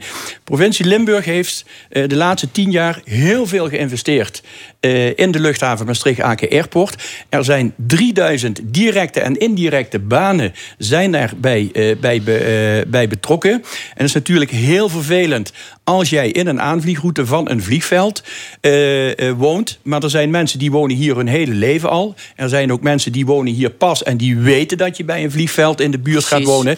En het heeft er ook mee te maken van, ja, wat verwacht je dan? Als ik bijvoorbeeld kijk en ik pak regelmatig een vliegtuig, ik heb er geen enkel schuldgevoel over. Als ik bijvoorbeeld kijk, het internationale vliegveld in Madrid is met de vierde terminal een aantal jaren geleden uitge- uitgebreid, Barajas. En dat de, de start- en landingsbaan die ligt 300 meter ligt die van Barajas, van het dorpje waar het naar genoemd is, ligt er vanaf. Ja, of die mensen het daarmee eens zijn of niet, maar het ding ligt er. Maar, dat, die hebben dan maar gewoon pech gehad. nou, die hebben pech gehad, maar misschien hebben ze geluk gehad dat het wel ook een banenmotor is. Eh, mind you, dat bijvoorbeeld Schiphol, waar ook heel veel eh, discussie over is, is wel goed voor 114.000 banen. Kunnen wij in Nederland niet missen. Limburg kan 3000 banen eh, Maar, niet vlieg- missen. maar vliegveldbeeld kost, eh, vliegveld, het vliegveld in Beek kost geld, blijft geld kosten. En ligt in een heel dicht bevolkt gebied, waardoor je heel veel mensen overlast aan Ja, gaat op de toekomst, gaat Maastricht-Aken Airport zijn rendement opleveren. En Maar de vorige eigenaar is ermee gestopt. Ja, omdat die, het, die ja, schreef om- op rode cijfers. Dat je op korte termijn kun je daar het rendement niet uithalen. En eh, eh, je hoeft niet van geel te zijn om een rapport te maken. Want Darwin die heeft ooit geroepen van het zijn niet de grootste of de sterkste... maar degene die zich het beste aanpassen aan veranderende omstandigheden. Maastricht Aken Airport zal met de kennis vanuit het verleden richting toekomst zich moeten aanpassen. En ook met de ontwikkelingen. Want de deze hele discussie, hè, vergeet iedereen dat wij in een, eh, eh, in een eh, transitie zitten. En dat er waarschijnlijk ook vliegtuigen gaan komen met heel weinig geluidsoverlast. Hartelijk dank, discussiepanel. Vandaag met Terza Hoebe, Loek Hustings en Cor Bosman. Dit was de stemming vandaag gemaakt door Edwin Maas, Angel Zwaarts, Fons Geraas en Frank Ruber. Graag tot volgende week zondag om 11 uur. Dit programma wordt herhaald maandagavond om 8 uur. En is ook te beluisteren via onze website l1.nl, via podcast en Spotify. Zometeen op deze zender L1 Sport. Ik wens u nog een mooie zondag.